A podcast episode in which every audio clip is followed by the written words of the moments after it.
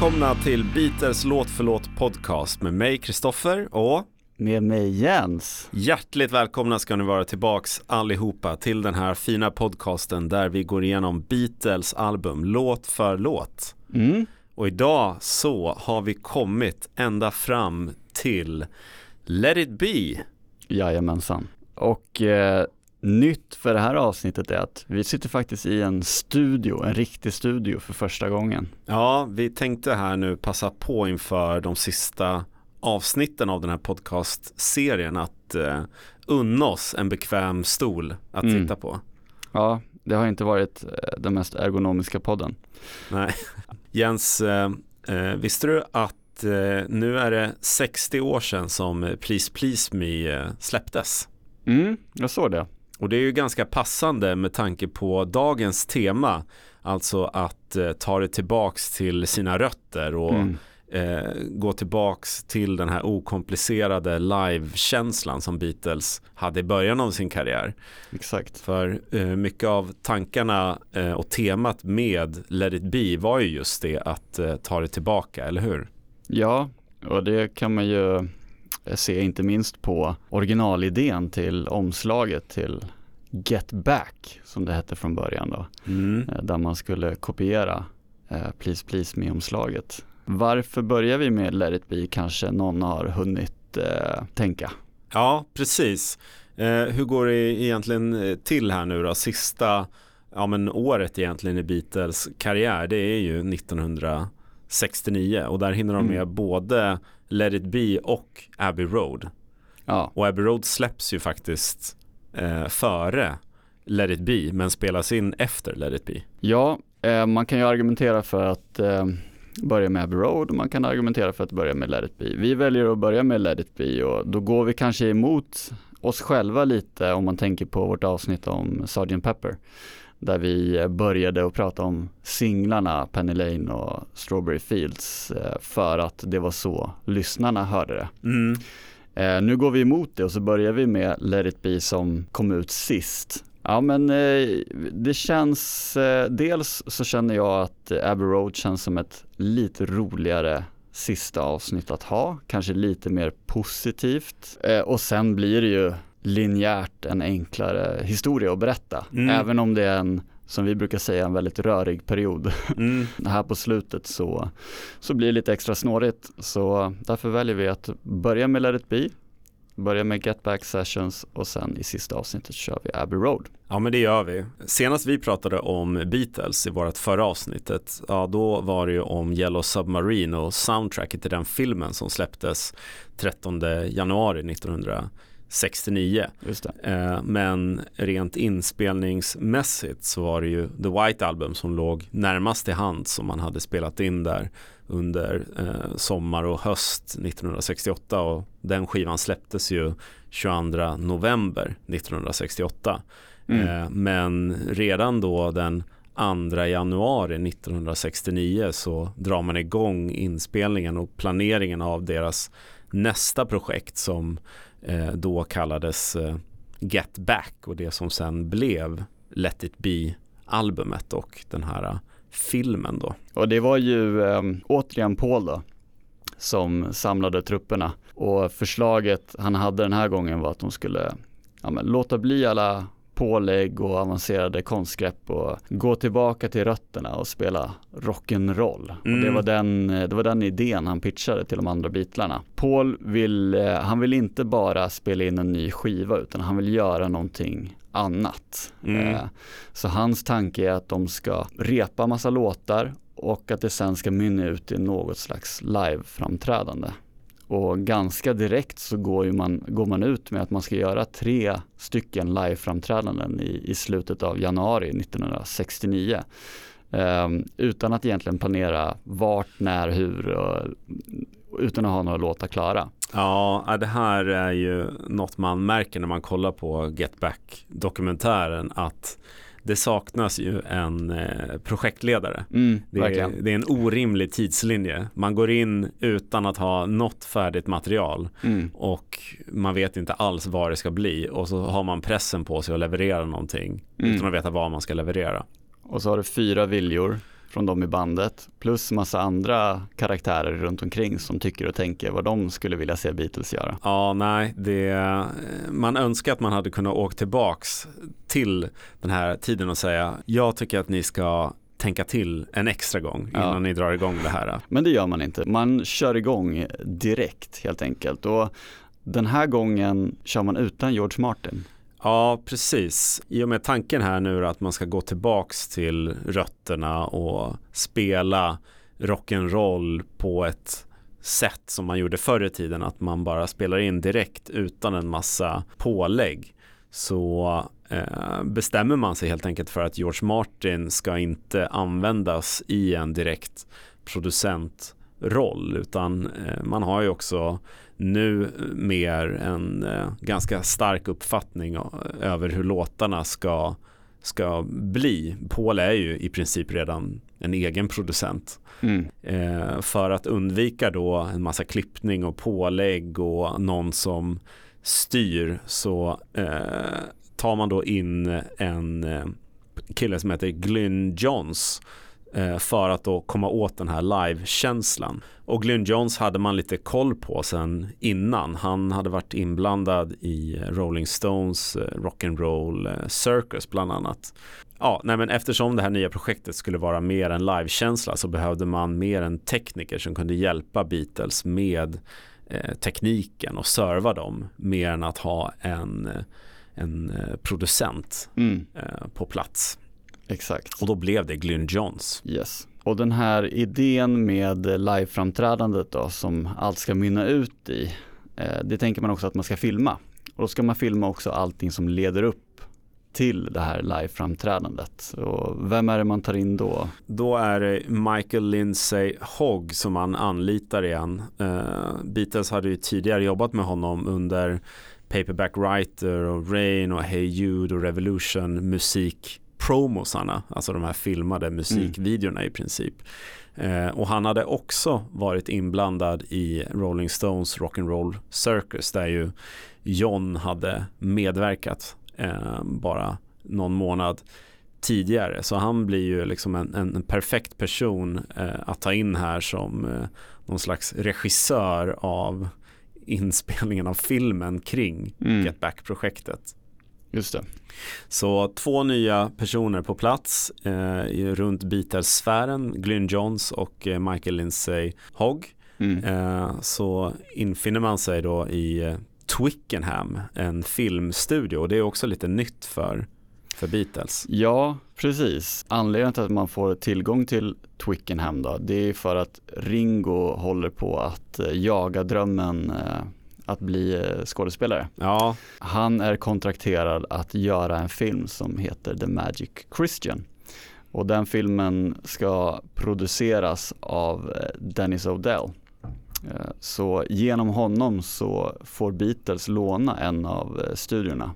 En stor gigantisk lokal. Ja men det är väl en hangar i ja, princip. Så där konkar man in alla instrument och inspelningsutrustning och kameror och börja spela in den 2 januari. Och då är ju planen då att följa utvecklingen av 14 nya låtar under två veckor då och för att sen kunna spela in ett framträdande kring 19-20 januari där. Mm. Men man har ju ingen koll på vart det här live-framträdandet ska vara. Så det är en ganska orimlig tidsplan här redan från början. Mm. Eh, och bandet känner sig ju ganska pressat och de är inte alls i någon direkt glädjefull stämning att dra Nej, igång det här? det dröjer ju bara åtta dagar innan eh, George lämnar bandet. Ja, han var ju sedan tidigare less på Pauls bossighet och den frostiga stämningen som var redan sen ja. White Album var ju liksom fortfarande ett faktum emellan dem. George lämnar där den tionde och sen då när han kommer med i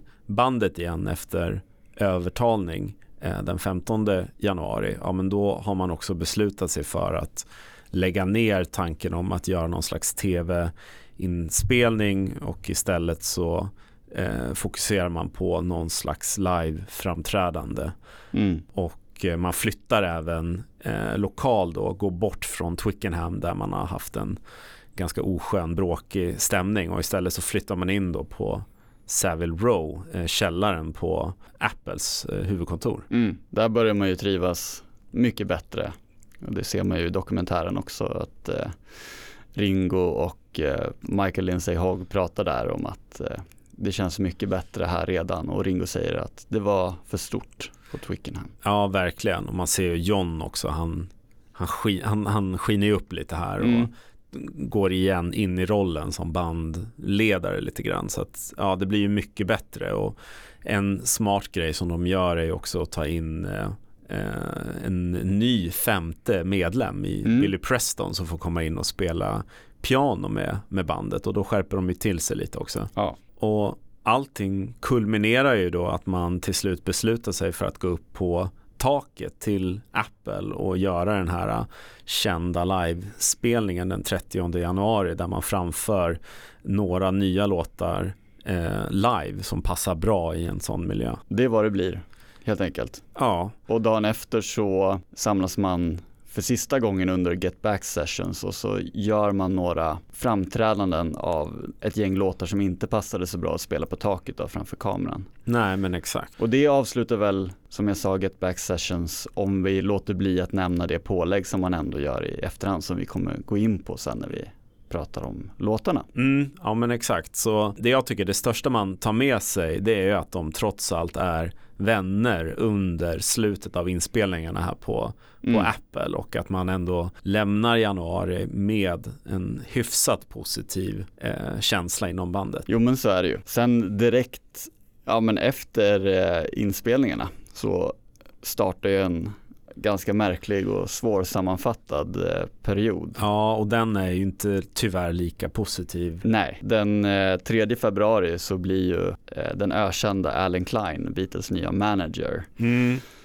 Och det kan man ju prata väldigt mycket om såklart. Och man kan komma in på varför Beatles splittrades och vi kommer ju toucha vid det genom de här två avsnitten såklart. Vi kommer ju inte kunna eh, lämna det oberört att eh, eh, hela Beatles splittring börjar ju här kring eh, Alan Klein-mötena eh, som Mm. man har för att få in en ny manager i bandet och han kommer ju påverka både Let It Be och eh, Abbey Road perioden 1969-1970. Exakt. Och sen så ska man väl också nämna att den här podden är ju, den handlar om låtarna. Men om man ska nämna några viktiga händelser här direkt efter inspelningarna så är det ju så att eh, förutom att Alec Klein blir Beatles nya manager så den 22 februari börjar inspelningarna till Abbey Road. Både Paul och John gifte sig i mars med sina respektive fruar, inte med varandra.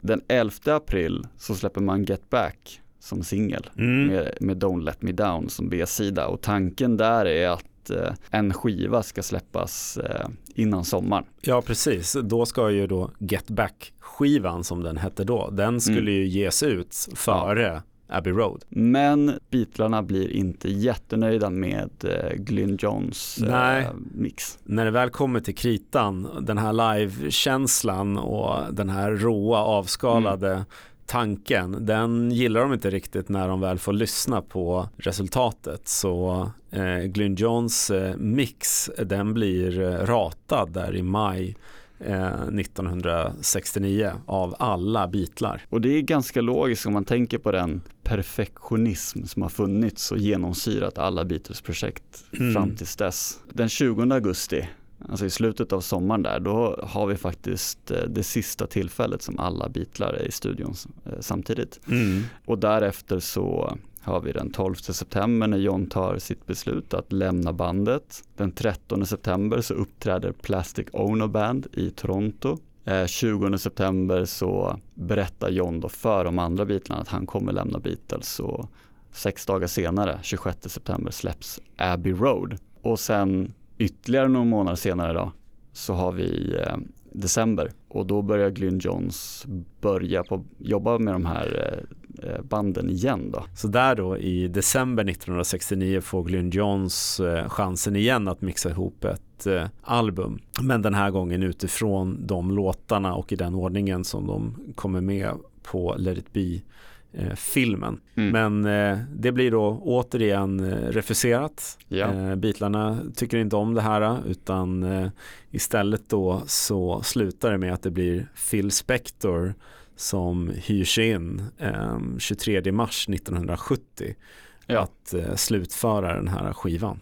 Och 1970 är ju ett år då Beatles börjar ja, göra väldigt mycket andra grejer Mm. utanför bandet. John fortsätter med sitt Plastic Ono Band.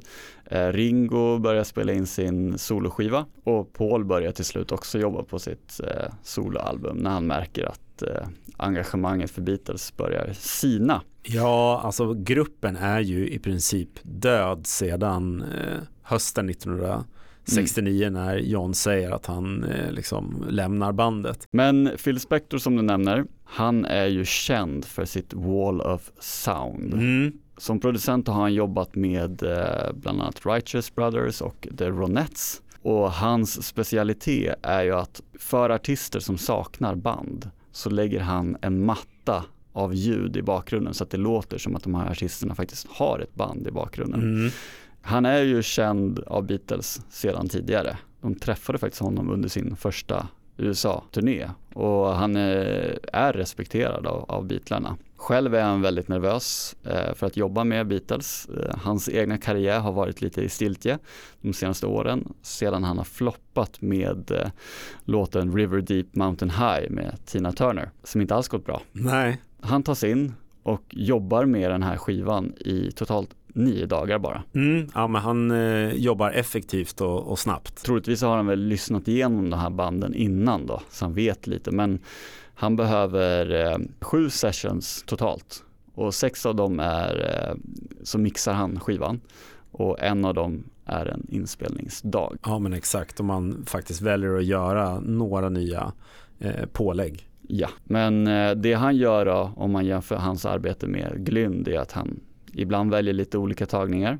Han eh, tar det här lite live-konceptet som Glyn har jobbat runt och gör sin egna del av det. Ja, jag brukar tänka att Glyn Johns försökte ju göra den ärliga live-känslan synlig på en skiva medan Phil Spector, hans strategi verkar mer ha varit att eh, klippa fram en livekänsla Ja. utifrån en massa olika tagningar och små prat och sådär. Men vidare sen då så första april så är Ringo med på den här sista inspelningssessionen för Beatles den en, som den enda medlemmen och det han gör är att han håller takten för den här orkestern som Phil Spector lägger på. Mm. Och sen den 10 april så annonserar Paul att han lämnar Beatles och sen har vi då 9 maj 1970 Let it be skivan släpps och 29 maj så har filmen premiär. Yes, så är det. Så om vi ska eh, summera eh, skivan Let it be så finns ju den då i lite olika versioner eller vad man ska säga. Mm. Då har vi Glyn Johns refuserade mixar eh, som finns i minst två stycken eh, versioner. Ja, Den här eh, går ju nu att lyssna på tack vare Super Deluxe-utgåvan av Let It Be som kom ut 2021 där eh, man får hela Glyn Johns första refuserade mix på köpet. Och sen så har vi Let It Be som blev Phil Spectors mix från 1970 som blir det som till slut släpps. Sen har vi även eh, 2003 en version av Let It Be som heter Let It Be Naked ja. som släpptes på Pauls initiativ för att eh, ta bort mycket av de här påläggen som Phil Spector eh, gjorde. Och till slut så har vi en utgåva av Let It Be som kom ut 2021, den här Super Deluxe-utgåvan där Giles Martin återigen har varit inblandad då. Eh, så ja, Let It Be finns filmad, inspelad, dokumenterad och utgiven ja, både som film och olika versioner på skiva. ja. Men vi kommer framförallt utgå från Super Deluxe versionen för att göra det enkelt men vi kommer ju behöva referera till andra mixar eftersom varje låt då finns i lite olika versioner. Let It Be då i sin utgåva från 1970 Mm. eh, har 12 spår, totalt 35 minuter lång. Det är en ganska kort eh, historia Ja. och vi har då en mix av live-inspelningar från den här rooftop-konserten och när de spelade in live i studion.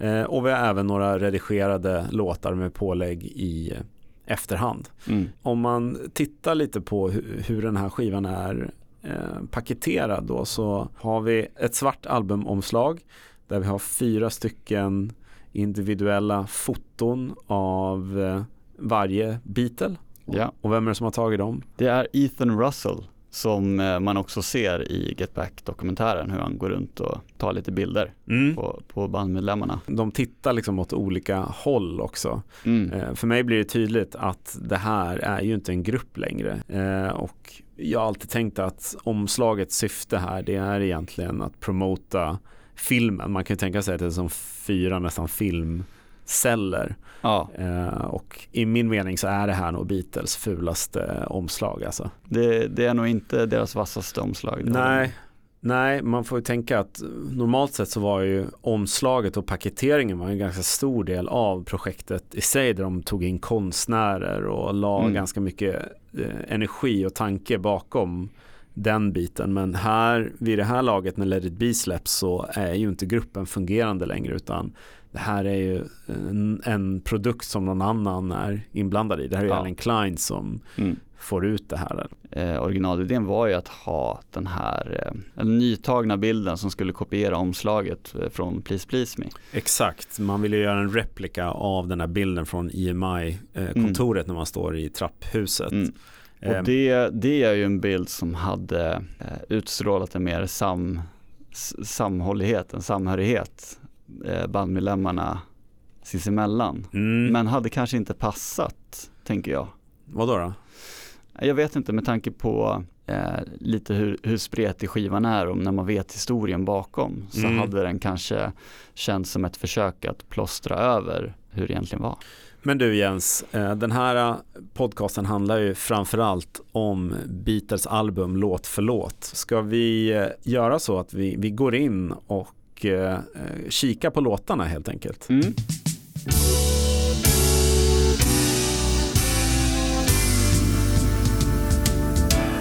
Let it be inleds ju då på sida A med Two of us. Ja, och det här är ju Pauls låt. Och det var ju så att Paul och Linda brukade åka ut på små turer med bilen på landsbygden utanför London. Eh, båda hade ju en, en eh, stark kärlek till naturen och att utforska. Mm. Paul har ju då sagt att om han uttryckte att de hade kört vilse så svarade Linda bara toppen. För att hon älskade det. Mm. Eh, och de skulle ju hitta tillbaka till London till slut ändå. Mm. Eh, och Paul komponerade To Us, eller On Our Way Home som den kallades, under en av de här bilturerna. Det finns ju till och med en bild på honom där han sitter i den otroligt snygga Aston Martin-bilen som har Mm. och, och komponerar. Med sin gitarr. Mm. Och som sagt, texten är ju enligt Paul skriven om han och Lindas bravader. Men det finns ju bitar som kommer från eh, ingenting alls eller från, från annat. Eh, till exempel raden eh, Spending someone's hard earned pay. Ja. Den eh, ska ju bara passat bra in har Paul sagt. ja. Och burning matches det ska komma från att han och hans bror Mike brukade tända massa tändstickor Leka med elden. Exakt, för att det var roligt. Deras pappa då, eh, Jim, han tvingade dem att eh, tända upp ett helt paket så att de skulle tröttna på det. Det här klassiska du vet när man, träff, man stöter på att sitt barn eh, smygröker så tvingar man barnet att röka upp hela paketet. Just det. Just det. jag nämner en till där, sending postcards. Det sä- säger han att den kommer från att han gillade att skicka vykort vid den här tiden. Och det är ju känt också att han skickade massa märkliga vy- vykort hit och dit Mm. ibland anonyma. Men jag vet att du och jag har pratat om det här.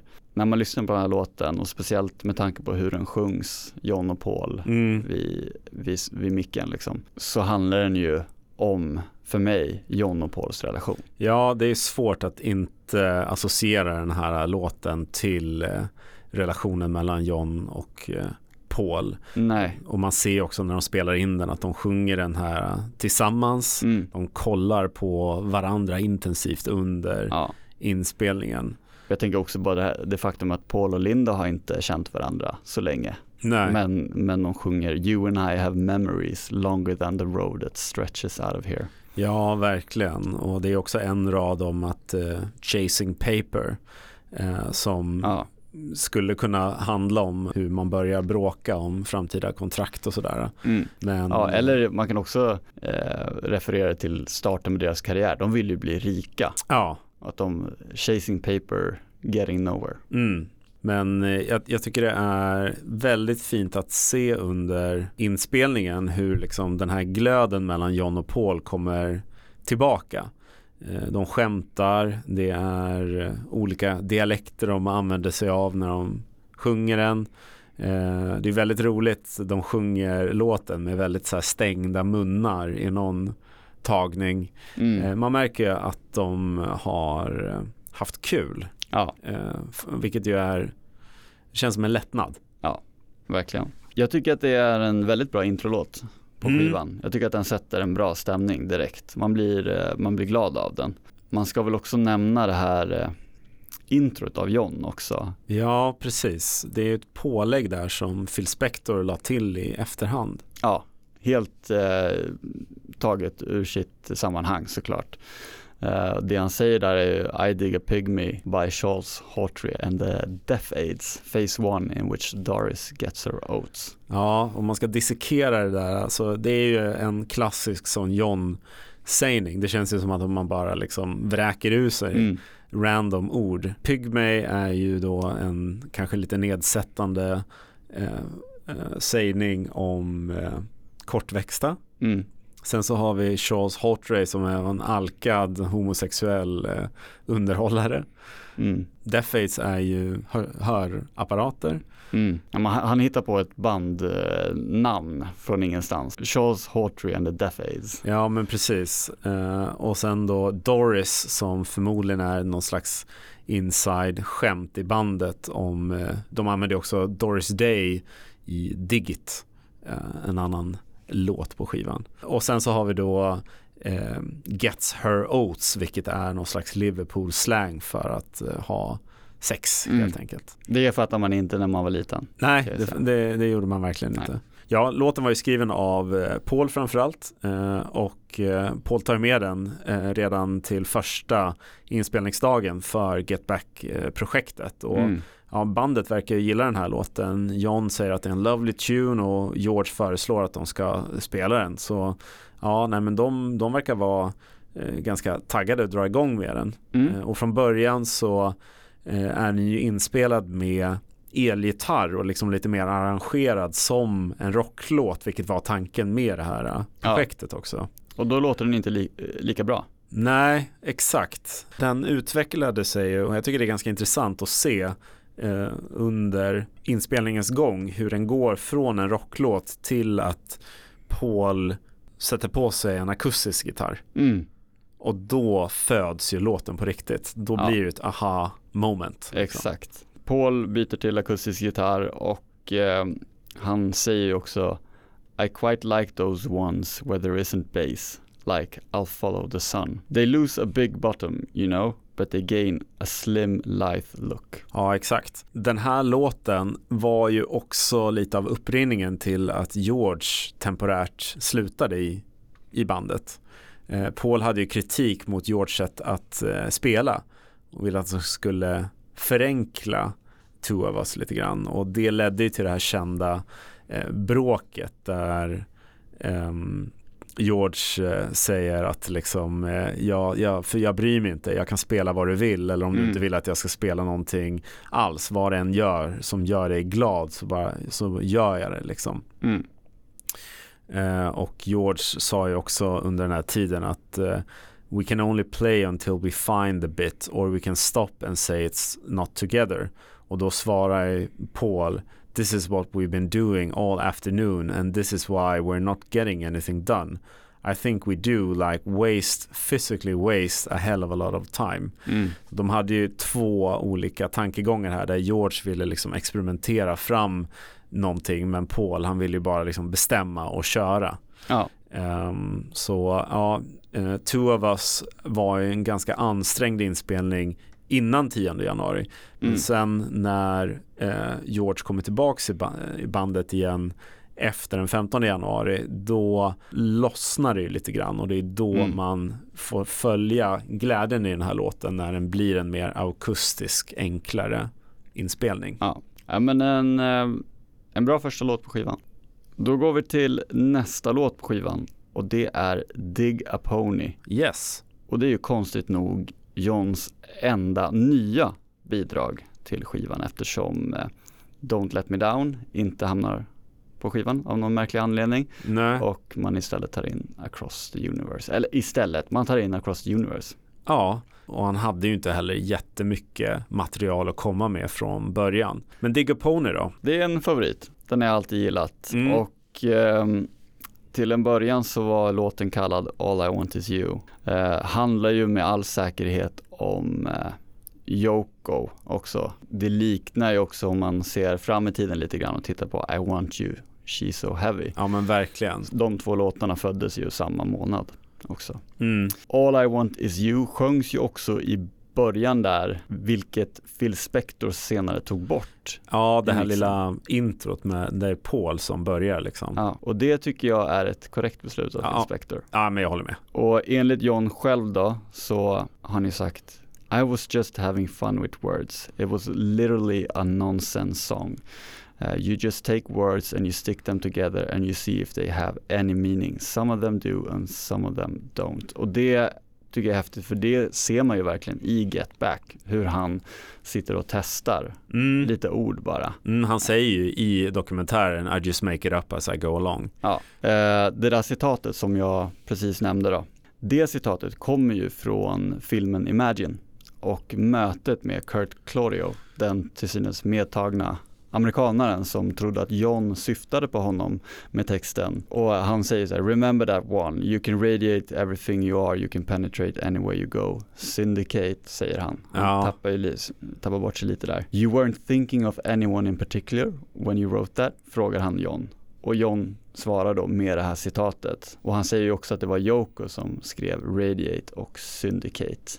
Ja men exakt. Och det här var ju inte första gången som någon eh, mer eller mindre psykiskt instabil person övertolkade Beatles Nej. texter. Ibland eh, alltså nedspelar John betydelsen av hans texter och säger att det här handlar inte om någonting alls. Mm. Här handlar det ju verkligen inte om någonting alls. Men det är klart att det går att hitta några referenser och sådär. Man kan förstå var han får en del ord ifrån. Mm. Du har ju till exempel Pick a Moondog, kanske refererar till Johnny and the Moondogs, eh, ett namn man använde innan man blev The Beatles. Mm. Men ja, i övrigt så förstår inte jag texten riktigt. Eller vad betyder You can syndicate any boat you row?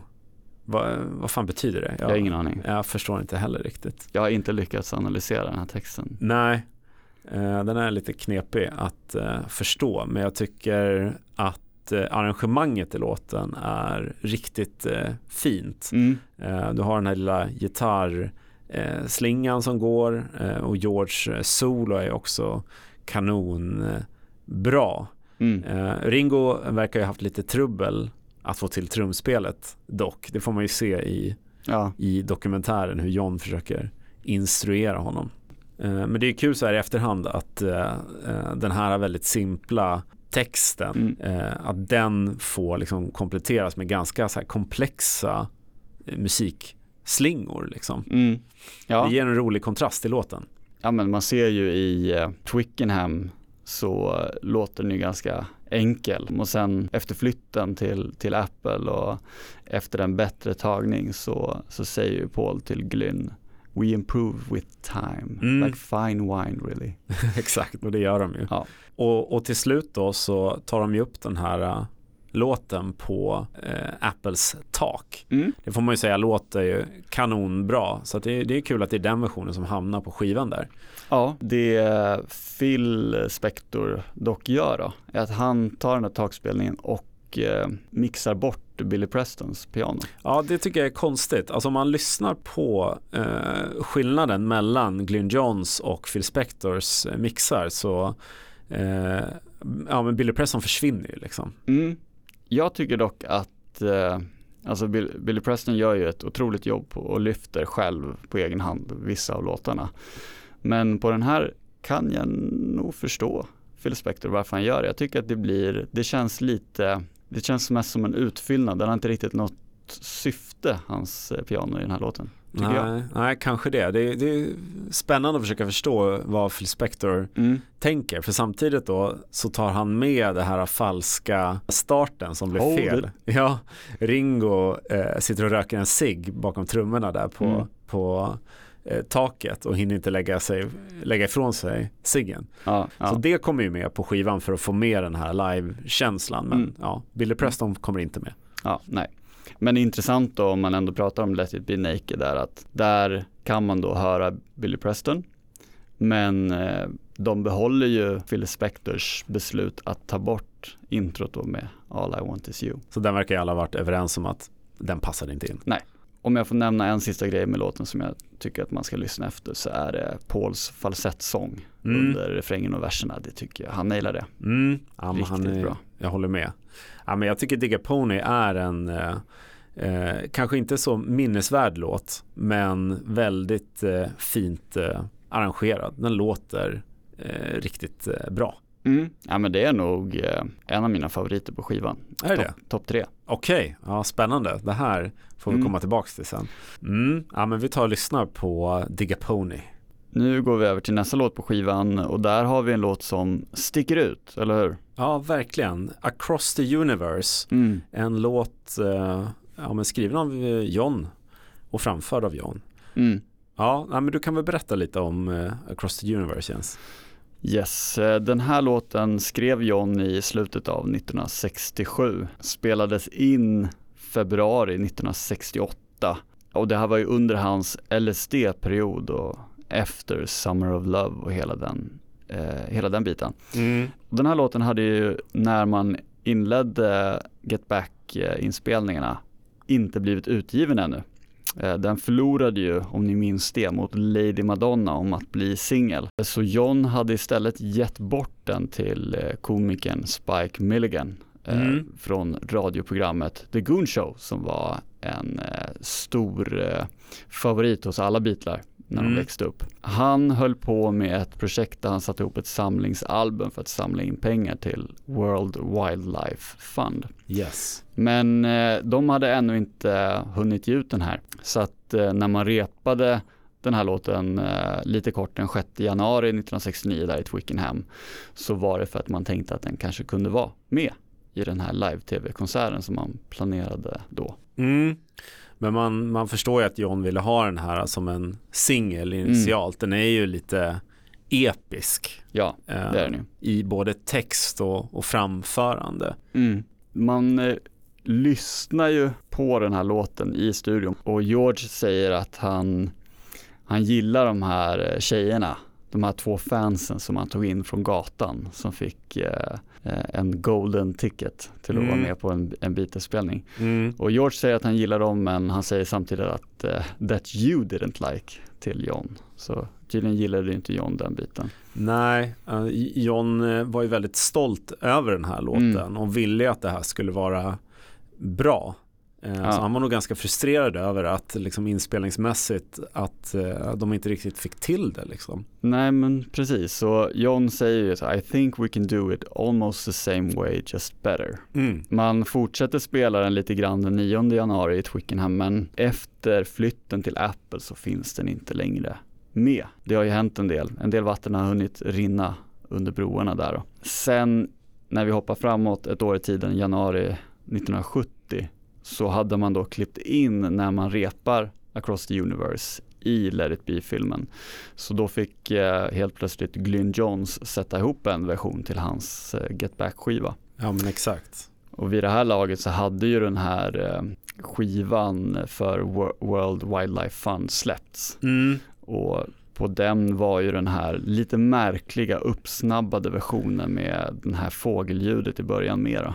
Ja, vad tycker du egentligen om den versionen som hamnar på World Wildlife Funds? Jag tycker inte om den alls faktiskt. Nej, ja, ja, jag gillar inte den alls och, och, John var ju också besviken på hur den låter där. Mm.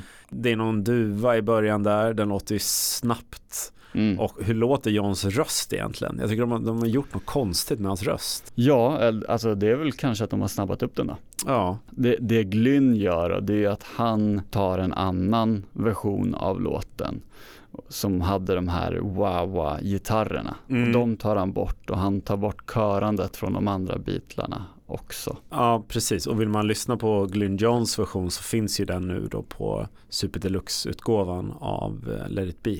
Mm. När eh, Phil Spector sen tas in då så tar han ju in den här orkestern den första april och så spelar han in ett arrangemang som lades över en version som han hade spelat in i, i februari 1968 och då saktade han även ner låten. Mm. Och John 1970 så var ju han väldigt nöjd med det här. He took the tape and did a damn good job with it. He made a fairly reasonable sound of it and then we, we released it again. Mm. Men hoppar man fram till Playboy-intervjun 1980 så är det ju tydligt att han aldrig riktigt blev nöjd. Han är ju väldigt besviken. Ja, men verkligen. Jag förstår att han initialt var glad med, med att få Phil Spectors eh, mix eh, på låten. Mm. För att eh, ja, han hade ju tidigare inte känt att han fått någon support av gruppen heller. Att eh, ja, den blev lite bortslarvad av resten av bandet. Mm. Men sen när det har gått några, några år till då och John reflekterar och tänker tillbaks så nej, det blev nog inte bra ändå i slutändan. Nej, och i den intervjun så han säger ju rakt ut att the Beatles didn't make a good record of Across the Universe. Och han är ju till och med inne på att eh, Paul undermedvetet saboterade några av hans eh, bästa låtar. Mm. Han pratar ju till exempel om Strawberry Fields, vilket vi pratade om när vi pratade om den låten, att eh, alla de här påläggen och sånt där, att John kände att Paul tog över hans låt och, och styrde vilken riktning det skulle gå till. Vilket de också pratar om under här, eh, den här kaféinspelningen från Get Back. När, Just det. när det låg en mick dold eh, och man får höra deras väldigt öppna, ärliga, raka konversation. Ja, men just det. Ja, vi måste ju prata om texten. I den här intervjun då, 1980 så berättar han ju att eh, han låg bredvid sin fru Cynthia då, i sängen och han var irriterad över något som hon hade tjatat om under dagen, någon, något eh, bråk de hade haft.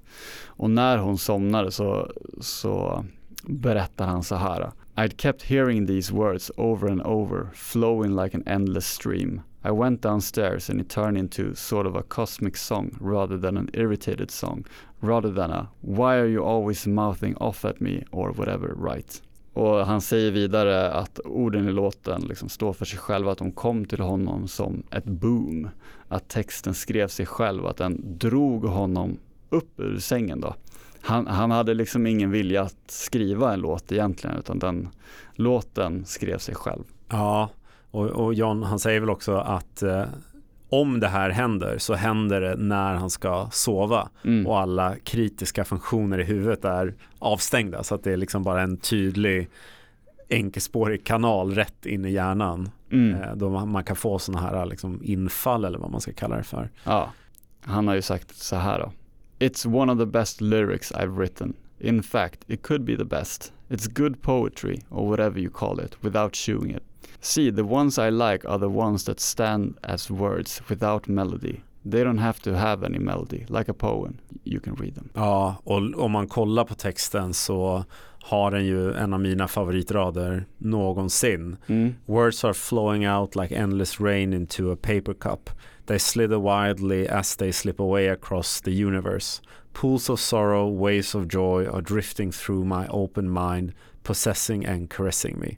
Mm. För mig är det absolut uppe där med Johns finaste och bästa texter någonsin. Ja, jag håller med. Jag eh, fastnar kanske extra mycket vid just Pools of Sorrow, eh, Waves of Joy. Mm. Att det är en otroligt fin beskrivning av hur livet eh, kan kännas. Mm, verkligen. Eh, och sen har ju låten också det här Jai Guru Deva Om Mm. eh, som då är inspirerat av eh, Maharishi Mm. eh, och hela vistelsen i Indien där. Eh, och det ska ju betyda Victory to God Divine helt enkelt. Ungefär. Ja. Mm. ja, men om man ska gå in på de olika versionerna av den här låten. Och så jag är beredd att hålla med John om att den här låten kanske aldrig riktigt nådde upp till den potentialen som den har. Jag vet inte om det är möjligt att den skulle kunna göra det men det, den kanske har en för vacker text. om du förstår vad jag menar. Ja. Men jag vet inte. När, när man får se Beatles repa låten i Twickenham så gör de ju det som, är, som ett fullt band. Mm. Och där tycker jag att de är någonting på spåret. Att det skulle ha varit intressant att se om de hade släppt det här akustiska och kört låten som ett band och se vad det hade lett någonstans. Ja. Ja, jag vet inte. Jag, jag tycker också det här är svårt att försöka tänka sig vad den bästa versionen skulle ha blivit. Mm. Någon gång har jag tänkt att de kanske skulle ha behandlat den som de gjorde med Julia på, Ja. på The White Album. Att han bara får sitta där helt rått och Mm. skört och sitta själv. För om du lyssnar på den vita skivan, Super Deluxe-utgåvan, så har du med tagning 6 av Across the Universe där. Mm. Och där tycker jag att det låter jättefint. Där har man den bara liksom John som lyfter fram texten på sin akustiska gitarr. Mm. Eh, Men frågar du mig så är det ju Let it be naked som ha- har den bästa versionen av låten på Mm. sig. Och den tror också John hade blivit eh, glad över att höra. Mm. Ja, ja, men det här är ändå en av mina favoritlåtar med Beatles eh, generellt.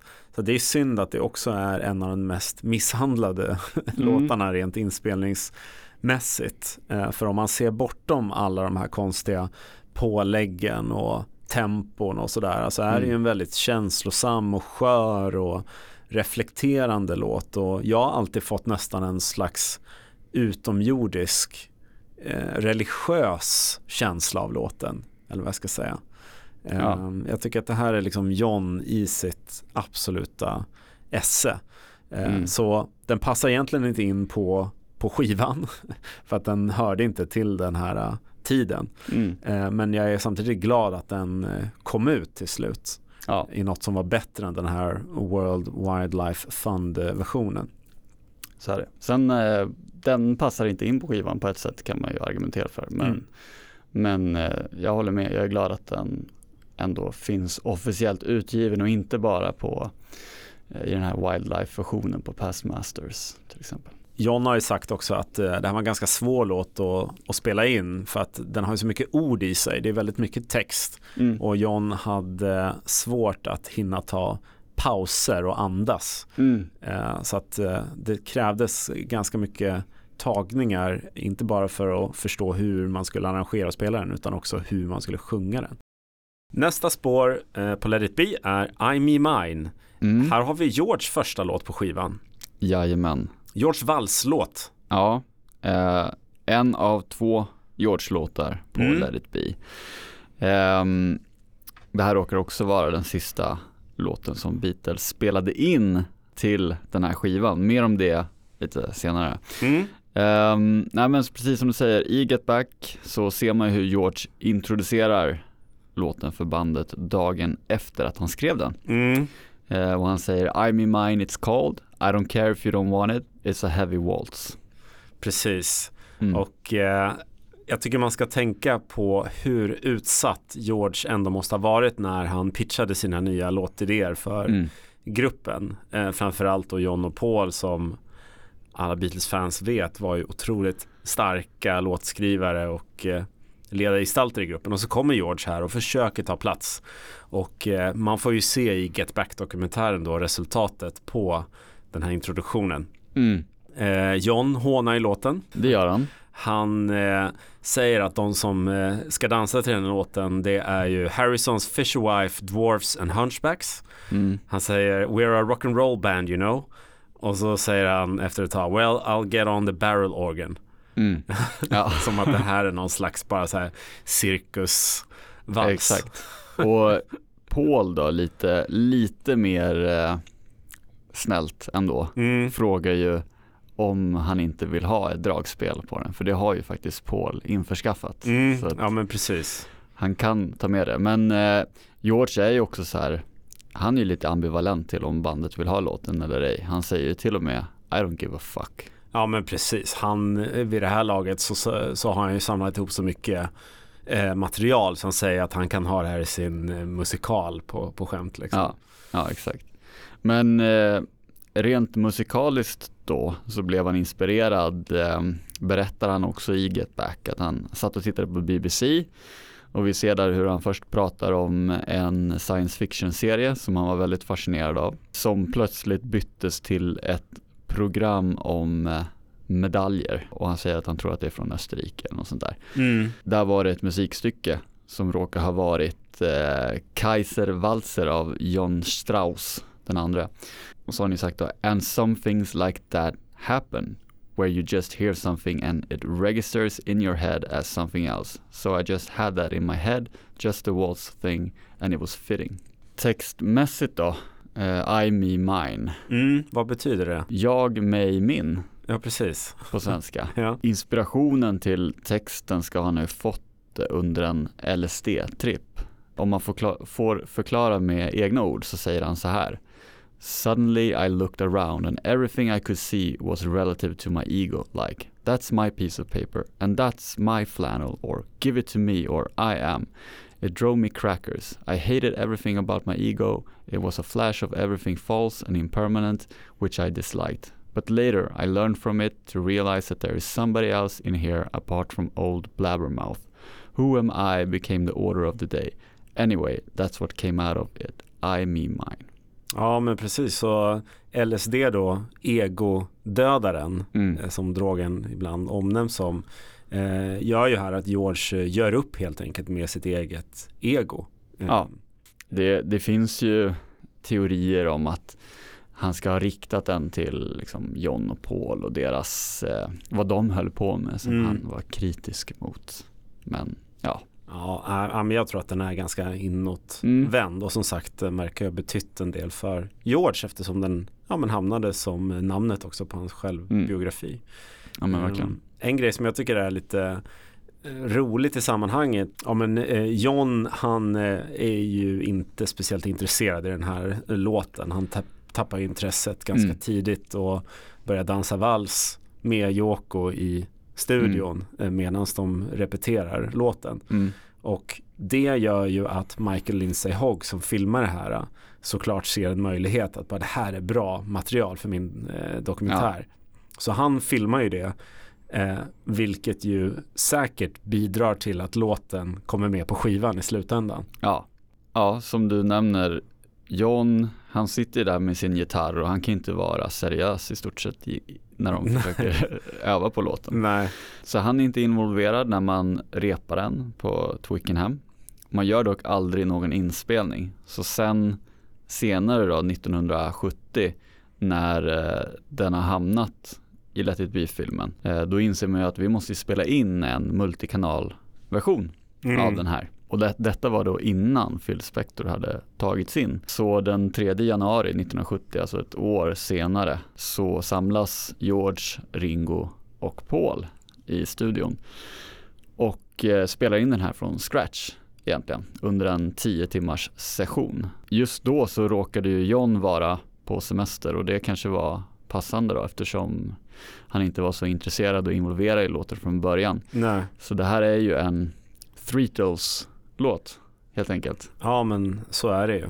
Lite spännande med det också är att ja, dels är det den sista låten som Beatles spelar in från start till slut, dock utan ett helt fullt band. Mm. Fram tills eh, återföreningen under Anthology-projektet. Ja precis. Eh, då John inte heller är med, men i alla fall har, eh, står för, för demo och text och låt den gången. Men eh, tydligen så var det ju bra stämning den här dagen i studion. De hade ju ganska kul. Eh, jag sa ju att det tog tio timmar och eh, ja, det, det kan väl lätt bli sådär när det är en grupp människor och det är lite sämre stämning. Ta ut en av dem, eh, en av ledarfigurerna Mm. så blir det lite annan dynamik och så funkar det rätt bra då.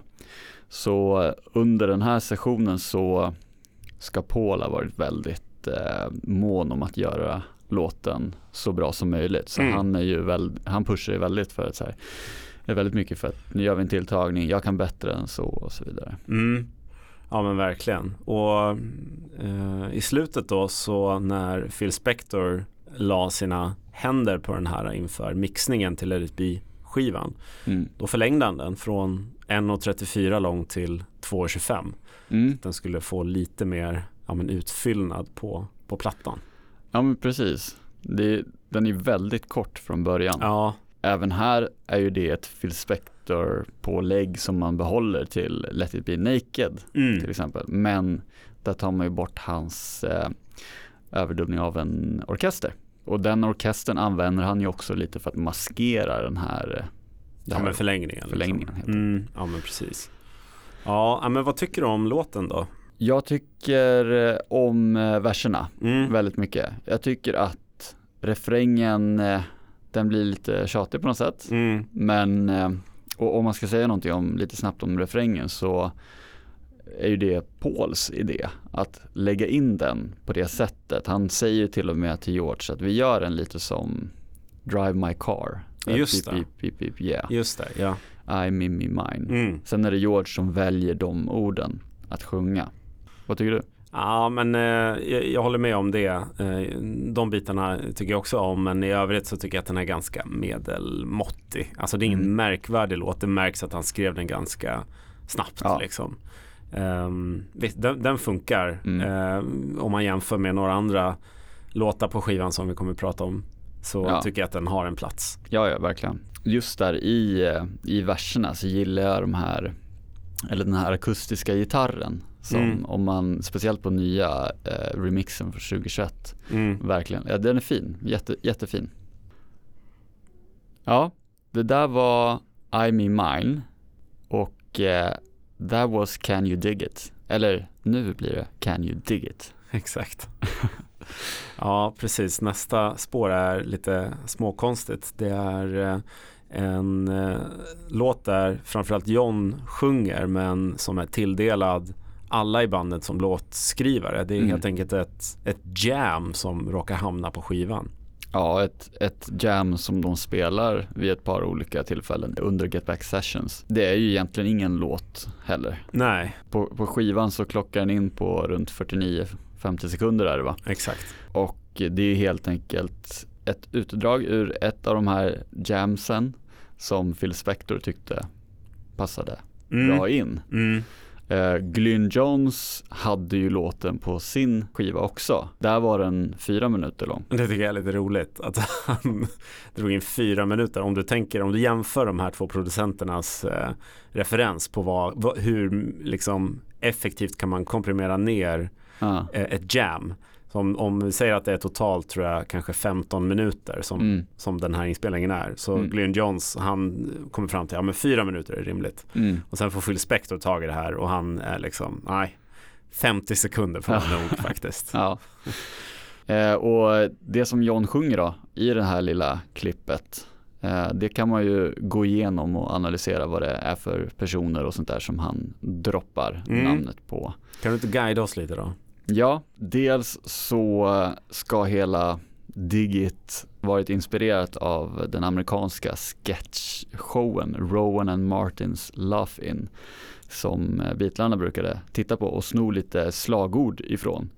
Och de hade gjort någon sketch som drev med orden eh, Digit helt enkelt. Jag gissar lite här men jag antar att det var lite inneord. Och sen så släpps det ju lite referenser i låten. Uh, vi har bland annat B.B. King, Doris Day, den amerikanska sångerskan med den gyllene rösten som hade en hit med Que sera sera. Och eh, sedan nämner han också eh, Matt Busby som var manager i Manchester United Ja, eh, sedan 1945 och som den 14 januari det året hade meddelat att han skulle pensionera sig efter den nuvarande säsongen.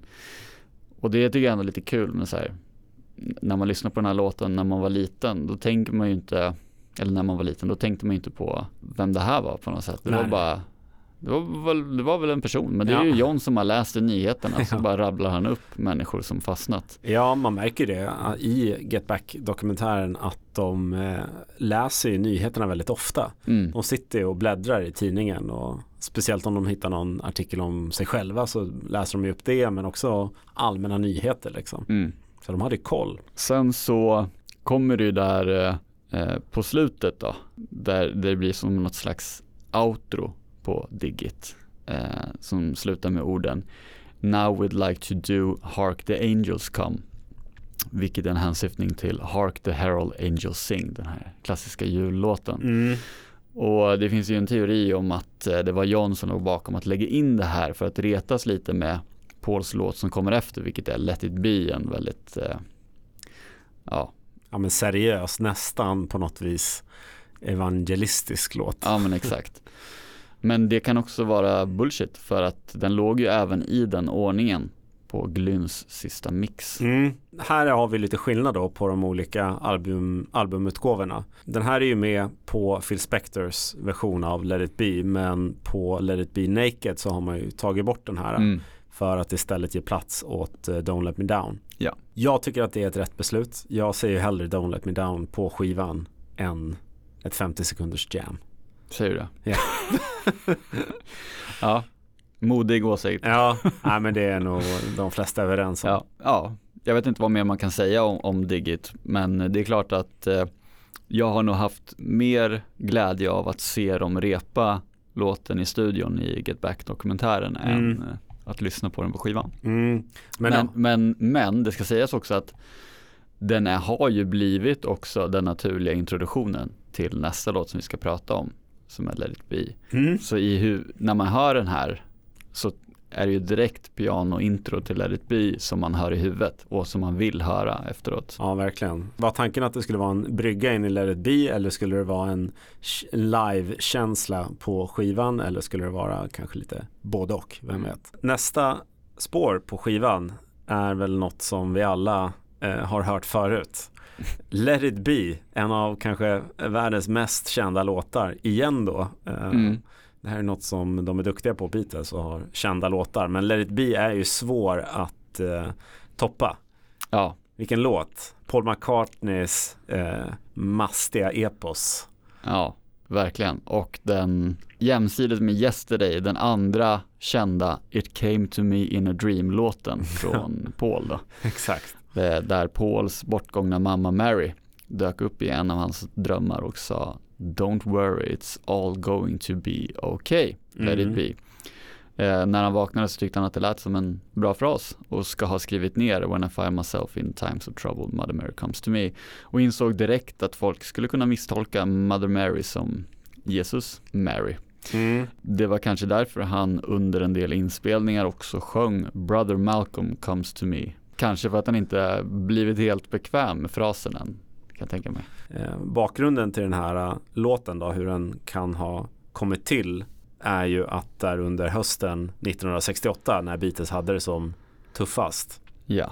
så uh, befann ju sig Paul i en situation där ja, men John var med, med Yoko och distanserade sig mer och mer från bandet. Eh, George sa i pressen att han inte var intresserad av att vara en mm. Beatle längre, en fan. Eh, och eh, Paul trodde ju fortfarande på bandet men kände sig liksom ensam och ja. eh, kände att liksom, ja, men lite sviken av, av bandet. Och det här var inte en sån grupp där man kanske pratade om sina problem öppet utan man var upplärd att ja. låta det vara så att säga. Mm.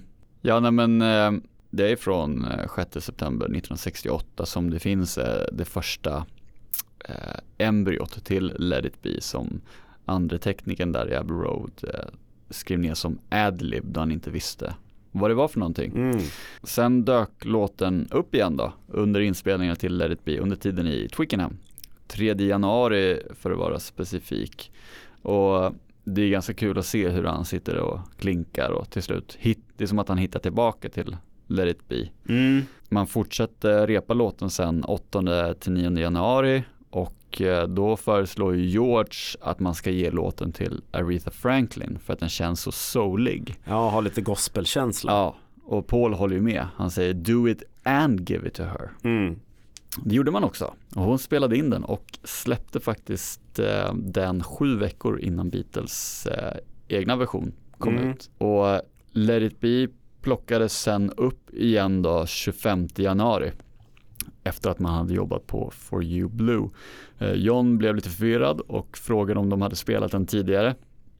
Eh, hur borta var han? Ja, alltså jag tror John aldrig riktigt var engagerad i den här låten Nej. och i kombination med att han eh, gick ju på lite droger och sådär Ja. under den här tiden så jag tror inte han, han fattade inte riktigt Nej. Let it be och hängde inte riktigt Nej, med vad det handlade om liksom. Det är en märklig liten passage. där. Ja, jag, jag tycker också det. Och så, så frågar han ju vad han ska spela Mm, och George bara du ska spela bas. mm. Varpå John säger Bass, I'm getting like Brian Jones in this group. You just give me the instrument, Paul, Ja. and I'll give you something. Ja, som då refererar till att Brian Jones spelade väldigt många olika instrument Ja, och fick liksom hoppa runt mellan instrumenten i gruppen. mm. om man ska gå in lite mer på vad texten handlar om och så, om man hoppar tillbaka till det, Mm. så eh, finns det ett exempel från 1985 då, när eh, Paul spelade Let it be live eh, på Live Aid. Mm. Första gången han spelade live på väldigt länge och första gången han spelade den här låten live.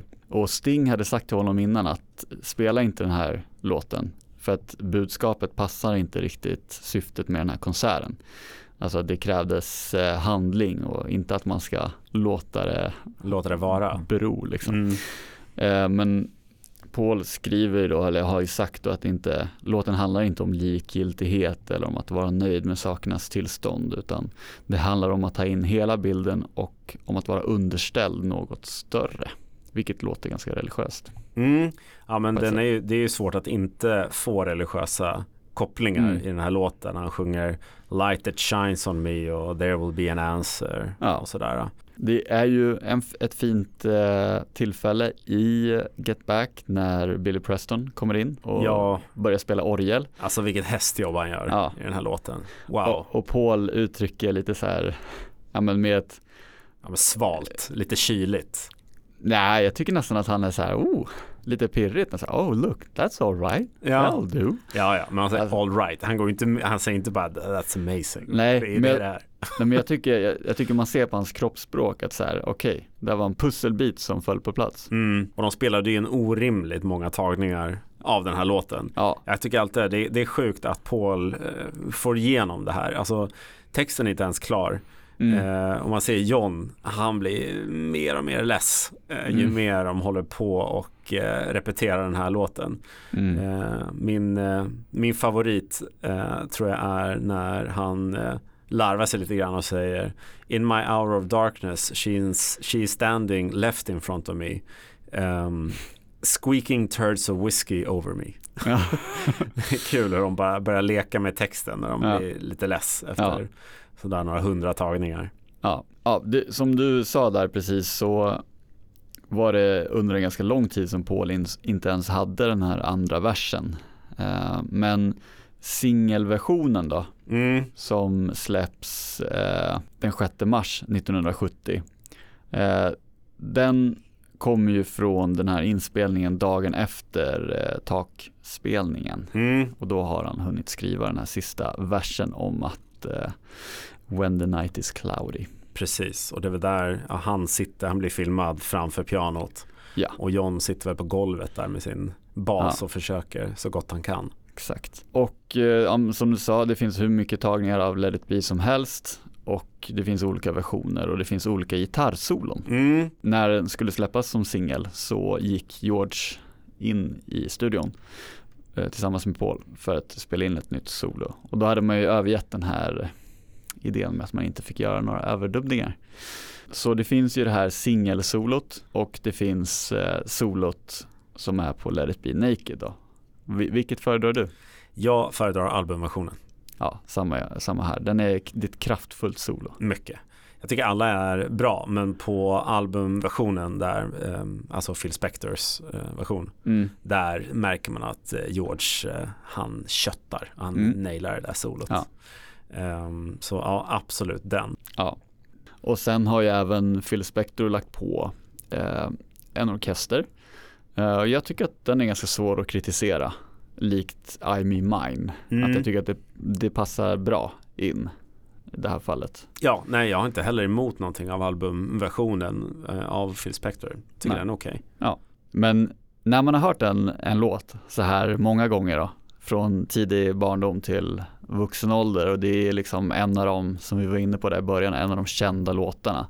Så slutar jag ibland lyssna på texten. Man är inte riktigt närvarande varje gång den spelas. Eh, så när vi nu ska lyssna på Let it be så tycker jag att man en gång ska försöka tänka bort hur känd den är och hur den låter live eller hur solot är och så vidare och istället försöka tänka på Pauls mamma, Mary Mohin, senare McCartney då, som vid 14 års ålder påbörjade sin bana till att bli sjuksköterska och senare barnmorska. Kanske motiverad av sin egna mamma som dog vid förlossningen av Marys syskon som också avled då, när Mary bara var nio år gammal. Mary fokuserade på karriären eh, och åren gick utan att hon tog någon partner eller fick några barn. Eh, Mary och Jim, alltså Pauls pappa, eh, de var redan bekanta men hade inte inlett något förhållande när de vid middag hemma hos Jims mamma på grund av ett bomblarm, det var ju andra världskriget här, Eh, fick stanna över natten. Efter ett längre samtal så slog det gnistor och ett år senare var de gifta. Jim hade ju, hans vänner hade ju trott att han var en bachelor for life. Men där blev det giftermål. Hon 31, han 38 och ett år senare så fick de sitt första barn, Eh, Paul och två år senare hans bror Mike. Mary jobbade hårt i sin roll som barnmorska och eh, talande för det är kanske ett av Pauls första minnen som är att han ser sin mamma genom fönstret cykla iväg på snöfyllda gator klockan tre på natten. När Paul sen var 14 år så skulle Mary göra en mastektomi då hon drabbats av bröstcancer. På dagen för operationen la hon fram Paul och Mikes skoluniformer så att de skulle vara redo för nästa dag. Now everything's ready for them in case I don't come back, sa hon till sin svärsyster Dill Mohen. Sorgligt nog så dog Mary av en blodpropp efter operationen och hennes sista ord till Dill ska ha varit I would love to have seen the boys growing up. Fint cirka 12 år senare då, under en period som du var inne på som, hade, som måste ha känts omvälvande när det otänkbara slutet på Beatles hade börjat och vänskapen med John svalnat och osäkerheten för vad som ska komma härnäst var stor och stressen av att ha tagit på sig den otacksamma ledarrollen i bandet så, så drömmer Paul då om sin mamma And in my hour of darkness, Mother Mary comes to me, speaking words of wisdom, let it be. Ja, från en eh, världskänd superlåt i Let it be som eh, man, det är svårt att inte få rysningar av. Mm. Från det till nästa låt på Let it be som får avsluta sida A. Där har vi Maggie May, en, eh, en folksång. Ja men exakt. Där var det ju så att eh, nostalgin som bubblade upp under några tagningar av eh, bland annat Two of Us ledde till att John och Paul eh, togs tillbaka till ungdomsåren och tiden i The Quarryman. Eh, den 6 juli 1957, alltså det viktigaste datumet i musikhistorien, ja. vet vi ju alla. När John och Paul först träffades så spelade The Quarrymen bland annat Maggie May, en låt om en prostituerad kvinna i Liverpool som Skäl från sjömän som precis kommit tillbaka från sjöss. Mm. Det är en över hundra år gammal låt som ibland refereras till som Liverpools unofficial anthem. Precis. Kan man spekulera att John kanske tyckte om den här lite extra med tanke på att hans pappa hade varit i sjöss? Vem vet? Ja, jag vet inte. Kanske det. Nej, men eh, det här var ju en låt som eh, de kände till som eftersom de kom från Liverpool Eh, och John var väl lite pressad också av att inte ha liksom, något nytt material. Eh, mm. George hade till och med mer nya låtar än vad John hade under den här perioden. Så det blir lösningen att damma av den här liksom, gamla folk, eh, folksången. Ja. Och samtidigt är den, det är ju bara ett jam som de har lagt in i, på skivan. Ja, 40 sekunder blir det totalt. Ja, och de eh, färdigställer ju inte ens låten utan Nej, det är ju väldigt konstigt att den slutar ju mitt i en vers. Mm. Eh, det slutar ju med att de sjunger two pound, ten a week, that was my pay. Sen tar låten slut. Mm. Men den skulle avslutas med with a pocket full of tin I was very soon took in by a girl with the name of Maggie May. Mm.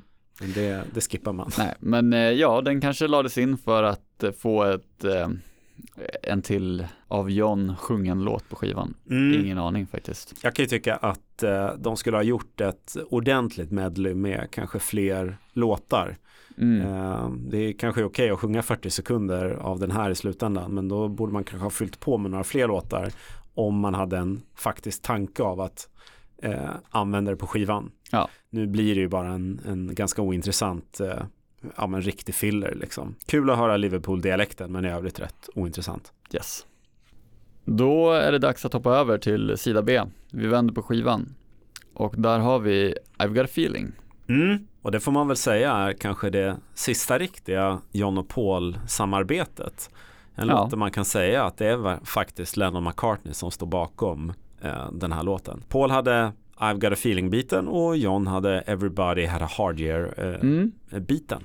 Yes, och ska man börja med Johns del Mm. eh, så finns det en eh, demo från december 68, alltså strax innan inspelningarna började. Mm. Och från den 15 december så finns det en kort video där John och Yoko sitter i Johns trädgård i Weybridge och sjunger den här låten. Ja, precis. Det är den som börjar med att John säger surprise, surprise. Mm. Han och Yoko sjunger Everybody had a hard year, everybody had a good time, everybody had a soft dream, everybody saw the sun shine. Mm. Och eh, när inspelningarna börjar i Twickenham så är den här biten redan inlagd i, i Pauls låt I've got a feeling. Och Barry Miles då, han skriver i Many years from now, alltså Pauls biografi, att eh, John tog den här delen som han hade hem till Paul i Cavendish Avenue och eh, att de helt enkelt skrev klart låten tillsammans. Så ska man lita på honom så ja, definitivt det är ett samarbete mellan John och Paul. Ja, det, det, det var nog en, också en trygghet de hade in i det sista, Mm. John och Paul, att de visste att hade man inte hela låten färdigställd så kunde man visa upp den för varandra och få Ja. hjälp och liksom fylla igen luckorna. Den demon som John spelade in, den har ju en väldigt sorglig underton. Mm. Och det var ju så att John hade haft ett tufft år. Ett äktenskap som hade brakat itu med Cynthia och allt med Yoko och pressen där. De hade blivit gripna för droginnehav och inte minst Yokos eh, missfall då. Mm. Och det är ju roligt att pussla ihop med Pauls bit som helt tvärt emot handlar om hans kärlek till Linda och det är en sprudlande glad variant. Mm. Precis, det här är väl eh, typiskt eh, Beatles att få till Mm. den här kontrasten mellan positiva Paul och lite mer ta ner dig på jorden John. Lite mörker från Ja. John. Det är lite som i Getting Better. Alltså Mm. Paul kommer och sjunger Getting Better all the time och John lägger in It can't get no worse. Har du koll på vad det betyder att eh, pull your socks up? Ehm, nej, vad är, vad är det för någonting? Alltså att pull your socks up det är att, ja men kom igen nu, nu skärper vi till oss, nu gör vi bättre ifrån oss. Och att eh, put your foot down, det är att eh, säga ifrån. Ja, sätta ner foten. Och det, var, det präglar också lite get back sessions. Alltså kom igen nu grabbar, nu skärper vi till oss och eh, nej, jag vill inte ha det sådär. Mm. Ja, jag tycker att det här är en av de bättre låtarna på, på skivan alltså. Mm. Och eh, Pauls röst. Herregud. Ja, Hur han kan gå upp i det där höga tonläget och skrika fast rent och sådär kraftfullt. ja. Det är sjukt. ja, den där, just den biten med all those years I've been wandering around, Ja. wondering how come nobody told me. Ja, Ja, den är, den är grym. jag tycker, man märker ju i Get Back-dokumentären att John eh, liksom pratar ibland om att han måste spara rösten och att han ibland Mm. sjunger saker lite lägre. Ja. Men Paul, han, han klagar aldrig över det. Han bara Nej. kör. Nej, ja, men eh, det är en eh, skitbra låt och eh, den här första versionen som de spelar på taket, Mm. det är ju den som hamnar på skivan och det tycker jag är en eh, otvivelaktigt den bästa versionen av låten som finns. Jag tycker att den är helt otrolig. De får, jag tycker att det är intressant där i eh, Get Back hur man ser att Paul säger att de måste repetera allt som de kommer göra på den planerade konserten. Alla oh yes och så vidare. Ja men det, det var häftigt att se för det är så här, man tycker att de här oh yes passar så bra in att de svarar varandra där liksom. Och Mm. det, det är för att de har repat det. Ja, ja, De-. Man märker det under inspelningen hur de testar och slänga in lite ord, de testar att köra på olika sätt och det finns ju det här när eh, John sjunger sin del och Paul sitter helt tyst och John bara Paul sing. Ja, Ja, för han vill ha det här, han vill bolla med Paul ja och det lyckas de med så sjukt bra i, i, den här versionen på Ja. taket. Ja, alltså jag tycker det bästa i låten är ju när ehm, Paul eh, sjunger I've got a feeling och eh, John sjunger samtidigt Everybody Mm, had a där på good year slutet. grejen på slutet. Ja. Det är Mm. så sjukt snyggt. Nej men det är, en, eh, det är en otroligt bra låt som man blir eh, väldigt glad av att lyssna på. Jag gillar att lyssna på den här på, på vårkanten eh, när man ska göra någonting kul. Man kanske har slutat jobbet på en fredag. Mm. I've got a feeling, nu kör vi. Ja, Billy Preston gör ju också ett kanonjobb i den här låten. Den Mm. hade ju inte varit eh, detsamma eh, utan hans eh, pianospel. Good old Billy.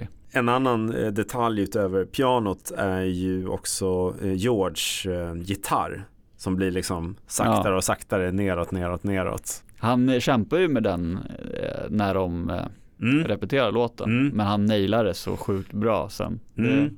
Ja men det är väl det, det, det generella man, man tar med sig är att de, de kunde skoja, de kunde hålla på och testa fram och tillbaks men när det väl gällde Mm. då kopplar de på någon annan fokusväxel Mm. och så bara nailar Ja. de det. Nästa låt Jens handlar om eh, tåg. Ja, Eh, One After 909. yes. En gammal dänga skriven våren 1960 Mm. före hela Beatlemania slog till. Mm.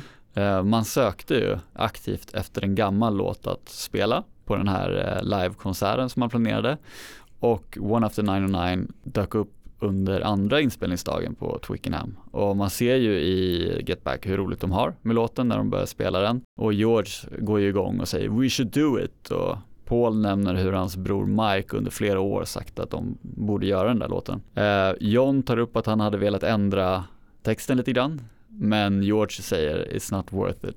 Nej. Nej men precis, det här är ju bara en eh, vad ska man säga, det här är en låt som inte blir mer intressant än andra låtar som de hade mellan 1960 och 1963. Det finns inte så mycket djupare mening i den så att jag Nej. håller med George. Det var ingen mening med att göra det här till någonting större Nej. än vad det egentligen var. Men eh, det är ju väldigt, som du sa där i början, det är väldigt roligt eh, att analysera texten. Att Ja. den handlar om tåg. Men jag, det, jag fattar den fortfarande inte Nej. riktigt. det är väldigt kul att se när de analyserar texten tillsammans Ja. i Get Back. John, eh, John säger ju också att han aldrig orkade slutföra den för att eh, den helt enkelt inte blev eh, ja, men så bra som man hade tänkt.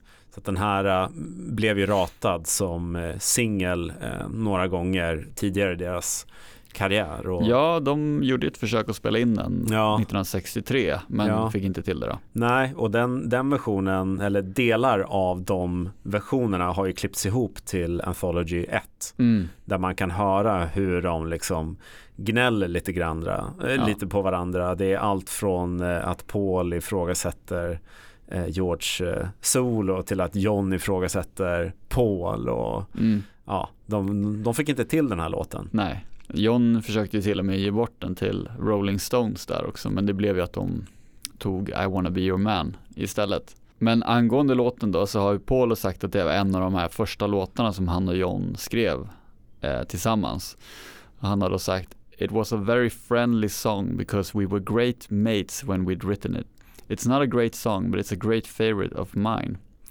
Eh, och det finns ju det här, har du sett det här gamla brevet? Nej? Nej men det, det finns ett gammalt brev som Paul skrev eh, runt 1960 till en Mr Lowe. Ah, Jag har inte lyckats hitta vem det här är, det vet man inte. Men det är typ som ett eh, personligt brev eller CV där han säljer in Beatles. Så efter att ha presenterat bandet och berättat att de är jazzinfluerade av hans pappa så skriver han också att modern musik är vad bandet föredrar. Just det. Jag citerar, and as if to prove the point, John and Paul have written over 50 tunes, ballads and faster numbers during the last three years. Some of these tunes are purely instrumental, such as Looking Glass, Cat's Walk and Winston's Walk, and others were composed with a modern audience in mind. Tunes like Thinking of Linking, The One After 909, Years Roll Along and Keep Looking That Way. Ja, nej, men så den här var med i repertoaren länge. Jajamän. Eh, den får ju även eh, en plats på Rooftop-konserten. Så är det. Eh, jag tycker de gör kanonframträdande mm. och jag, jag, tycker att det är fint att den här lite nyare versionen då har ett eh, solo som George verk, verkligen eh, nailar. Det låter kanon, det är en höjdpunkt i ja. låten. Ja, och en intressant eh, grej med versionen från takspelningen då är ju att eh, där spelar ju Billy Preston på ett eh, elektriskt piano. Men när man var nere i studion så valde man aktivt att spela på ett akustiskt piano för att man tyckte att det soundet passade bättre till låten. Mm. Så det finns ju en version när Billy Preston spelar akustiskt piano istället. Um, och den finns med på den här nya Let it be-boxen. Och den tycker jag man kan lyssna på. Det skiljer sig lite grann i soundet. Får man välja själv vad man tycker passar bäst. Vi har gått en eh, lång och slingrande väg mm. och vi har kommit fram till the long and winding road. Mm en 100% eh, Paul McCartney-låt mm. som ju liknar Let it be till temat. Ja. Lite reflekterande sådär. Ballad. Mm. Den långa vindlande vägen då?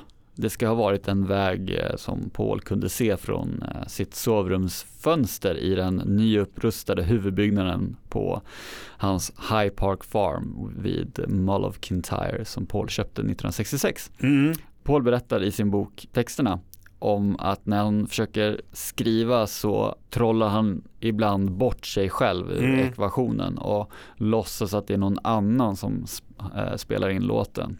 Den här gången så ska det då varit Ray Charles som han hade i åtanke.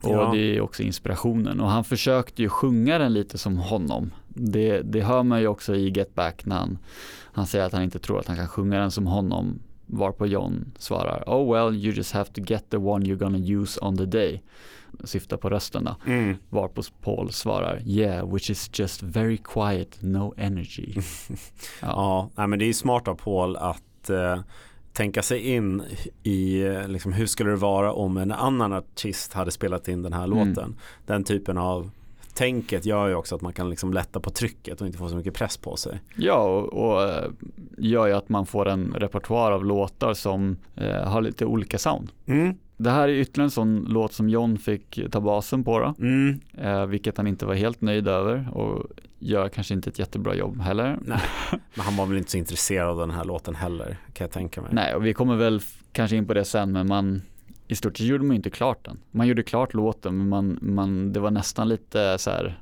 repa låten mode när, när man eh, gjorde den versionen som slutligen blev albumversionen. Mm. Man spelade in en version den 26 januari som Glyn valde till sin outgivna skiva. Yeah. Och den 31 januari gjorde man den här inspelningen framför kameran till Let it be-filmen. Vi hoppar fram 14 månader i tiden så lägger Phil Spector på den här orkestern och dylikt på versionen från den 26 januari istället för den som skulle vara med i filmen.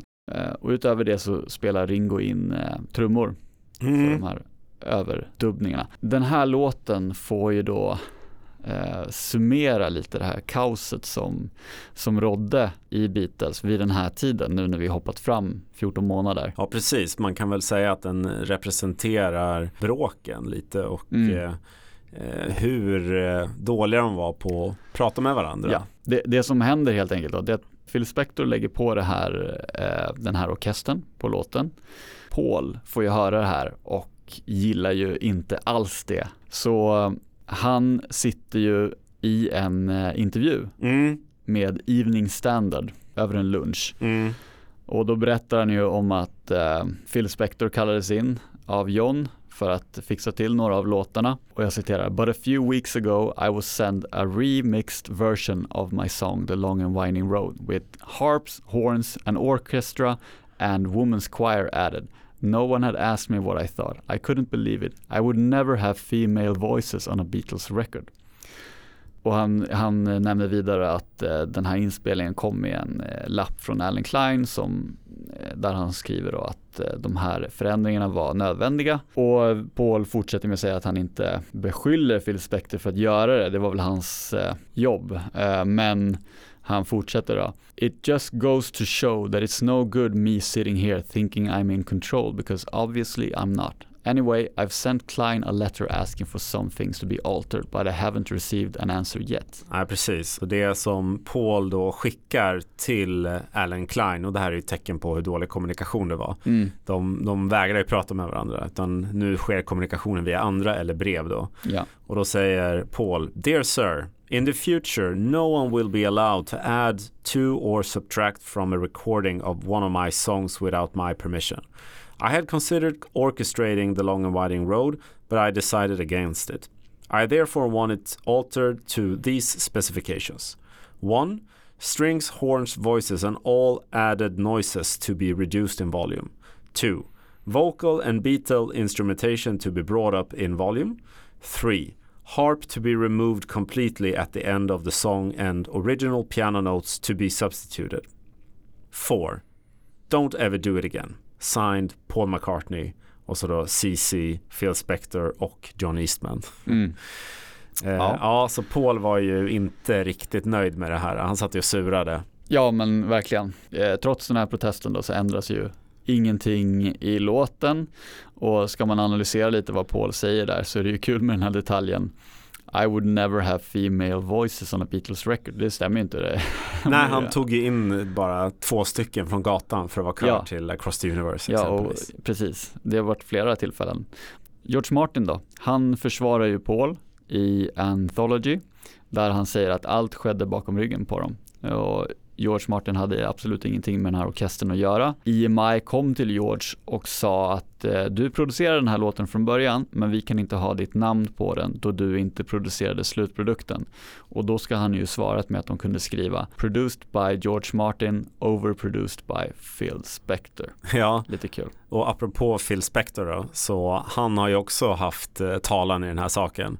Så han Mm. eh, har ju svarat Paul då genom att säga att eh, Paul had no problem picking up the Academy Award for the Let It Be movie soundtrack, nor did he have any problem in using my arrangement of the string and horn and choir parts when he performed it during 25 years of touring on his own. Mm. If Paul wants to get into a pissing contest about it, he's got me mixed up with someone who gives a shit. Ja. Ändå Och ett vi- episkt svar. ja, men vill man vara petig där så var det faktiskt Quincy Jones som plockade upp eh, Oscarsstatyetten. så det var ju inte ens Paul. Nej, Ja. ja. det är sant. Om vi ska gå in på de här olika versionerna Mm. så alltså jag är ju nästan på nivån att jag skulle vilja i vår podd, alltså i låt för låt ordningen byta ut The Long and Winding Road mot versionen från Let It Be Naked. Absolut. För jag tycker att den är helt överlägsen och här, Mm.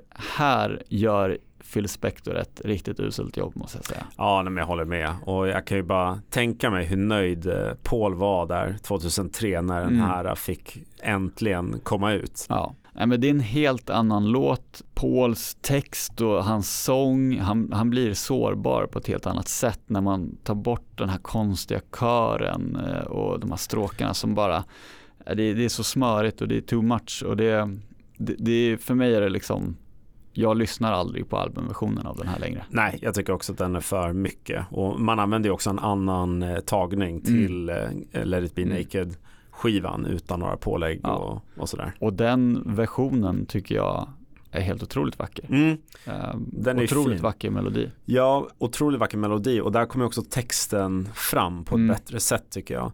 För liksom om man känner sig less på att den här låten just låter så bombastisk och svulstig och, och överdriven.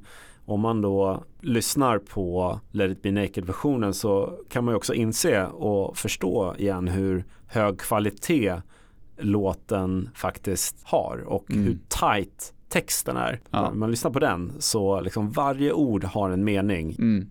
Favoritraderna är ju Many times I've been alone and many times I've cried. Anyway you'll never know the many ways I've tried. Mm. Det är fint. Mm. Ja, eh, jag tycker att eh, det är en otrolig låt och jag vet inte, får vi, får vi göra ett stilbrott och helt enkelt byta ut låten som våra lyssnare kommer få höra härnäst? Ja, det, det kanske blir att vi gör så. Ja, Ja, men det finns ju en, eh, en fin sån liten eh, historia om The Long and Winding Road som Alistair Taylor har berättat, Apples eh, office manager. En sen fredagkväll så gick han runt och letade efter Paul för att någon hade frågat efter honom och till slut så hittade han Paul inne i Studio 1 framför det här stora pianot där, där Paul spelade in eh, demoversionen helt ensam. Och eh, Alistair berömde Paul och tyckte att det här lät ju helt magiskt. Vilken otroligt fin och vacker låt. Till och med i ett sånt tidigt demoutförande. Så eh, efter helgen så kom Paul tillbaks och då hade han med sig en eh, vinyl av The Long and Winding Road demon som han gav till Alistair.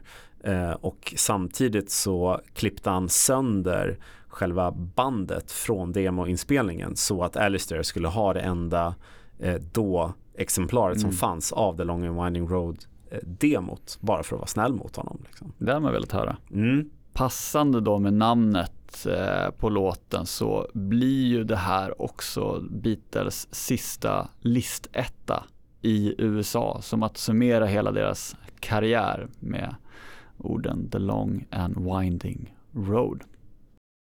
Nästa låt på Let it be är en eh, George Harrison-komposition som heter For You Blue. Mm. Och George har ju själv sagt It's a simple 12 bar song following all the normal 12 bar principles except that it's a happy go lucky. Precis. George, han var ju inspirerad av eh, de här gamla bluesartisterna där det skulle kännas spontant, kanske inte så professionellt. Och, så han säger där att uh, So it's really just like a one take wonder but we may have a four take wonder. Mm. Och eh, man kan ju tänka sig att eh, John under den här tiden, han kanske inte var jätteimponerad av George eh, bidrag till eh, Get Back eftersom den ursprungliga tanken med projektet och varför John liksom hade hoppat på det var mm. att man skulle fokusera på liksom rockers och lite, enk- lite, lite snabbare låtar. Mm. John såg ju gruppen som ett rock'n'roll-band och George låtar under den här tiden som han presenterade var All Things Must Pass, Hear Me Lord, I'm Me Mine och sådär. Så den här låten funkade ju som en, liksom en klassisk eh, bluesy rocker. Ja, John då, han tog ju på sig att spela slide-gitarr på mm. en Hofner Hawaiian Standard Lap Steel gitarr. Alltså en gitarr man har i knät. Riktig höjdpunkt ju. Ja. Det är balt. Exakt. Och det är ju ändå fint att eh, om man tänker tillbaka på I'm in mine och hur oengagerad han var där. Här får han ju kanske ett tydligt uppdrag då John. Och det vill han ju göra så bra som möjligt och precis som du säger, han, han nailar ju det. Mm, ja, men han är ju liksom märkbart entusiastisk. Uh, han säger Personally I was a phenomenon ja. efter en tagning och säger uh, My solo was out of this world. Ja.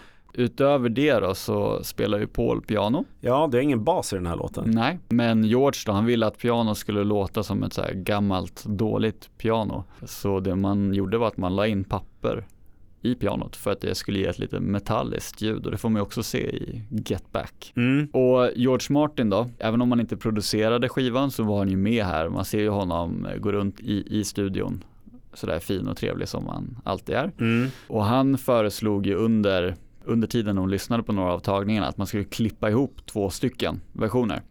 Men just då så höll man ju hårt på de här reglerna som man hade satt upp om inga pålägg och så. Ja men precis. Men ett år senare, januari 1970, när skivan skulle fixas till så hade ju de reglerna flugit ut ur fönstret. Så George valde då att lägga på en ny sång mm. som är det man hör på albumversionen och det är där han skämtar om Elmore James den här gamla bluesartisten. Mm, Elmore James got nothing on this baby. Ja, och han var ju känd för sin slide-gitarr. Mm. Och han hejar ju på John. Go Johnny, go. ja.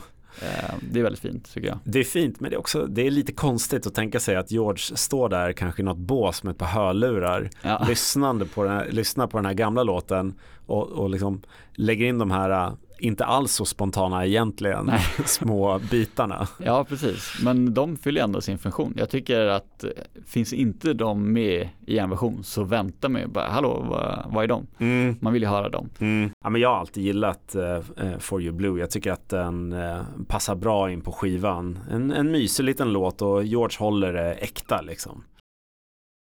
Ja, nu har vi kommit till slutet Jens. Let it be's sista spår. Mm. Get Back, låten som får representera hela det här projektet.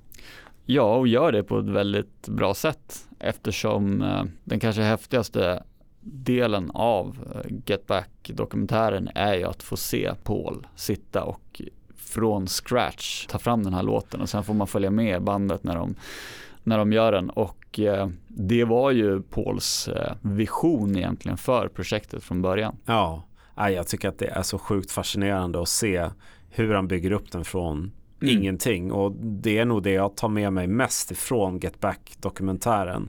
Just hur duktig Paul är på det här. Jag hade aldrig riktigt förstått den vidden av hans kreativa galenskap. Mm. Att man ser honom i princip spela gitarr på sin bas. Ja. Och så bara, ja där dyker Get Back upp.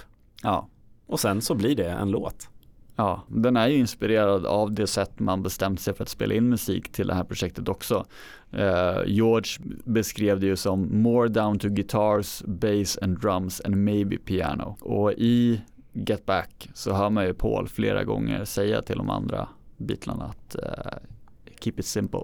Ja men verkligen. Om man funderar på var han just fick orden ifrån så det var ju en sägning som man hade ganska färskt i minnet och det var ju Get back to where you should be. Eh, som är ju en del av texten i Sour Milk Sea som eh, de spelade in året innan till Jackie Lomax. Han säger också någonstans i Get Back dokumentären Come on Jackie och mm. sådär. Ja, och under tiden som låten växte fram så alternerade ju texten mellan att handla om de här karaktärerna som han kommer på, Jojo och Sweet Loretta Martin. Mm. Och att vara en kommentar på det läge som var i Storbritannien med en ganska hetsk invandringsdebatt. Mm, precis, just under den här tiden så var det en ny immigrationslag som trädde i kraft som gjorde det svårare för invandrare helt enkelt att ta sig till, eh, till England. Ja, det här tycker de gör, eller illustrerar väldigt bra i dokumentären med de här nyhetsartiklarna som flashar förbi ja. samtidigt som man får höra Get Back. Ja men för att förtydliga också att det är ju en liksom satirisk mm. kommentar på eh, den här uh, märkliga eh, smygrasistiska stämningen som, som rådde ja. under den här tiden. Exakt.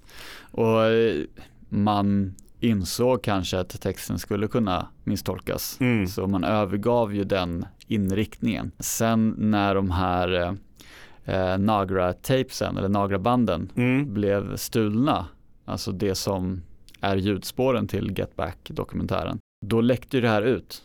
Och det togs ju upp som bevis då på att gruppen skulle vara rasister. Ja, Ja, nej men Paul har varit tvungen att liksom förklara det här senare. Mm. Och ja, nu har vi ju sett exakt allting här i, ja. i Get Back-dokumentären så det är inga konstigheter. Men de gjorde ju nog rätt i att ändå ta bort den här delen av låten bara mm. för att göra det tydligt. Liksom. Ja. Det är ju under Get Back också som man ser George börja surna till. Han blir ju typ total ignorerad. Ja, uh, det här är ju uh, inte den härligaste stämningen Nej. mellan George och Paul. Nej, han ser ju riktigt less ut. Ja. Man kan nästan skära stämningen med en kniv. Ja, och det här är en ganska intressant konsekvens kanske. Det är att eh, John är ju den som spelar gitarrsolot på den här låten. Mm. Och jag antar att det kan vara för att George lämnade gruppen temporärt under den här tiden. Ja, mm, ja, vi har redan nämnt att det är häftigt att se hur låten växer fram. Men det är också häftigt att se just delen när texten väx, växer fram också. Mm. När, när John eh, och Paul sitter där och Och Ringo. Looking for a blast from the past. Ja, den blev det inte. Nej, den, den Men tack för med. input. man, man sitter ju nästan där och bara Sweet Loretta Martin, Martin, hörru, ja. vad fan, kom igen. Det Tucson, hur... Arizona, hur svårt ja, ska det vara? Hur svårt ska det vara? Skitenkelt.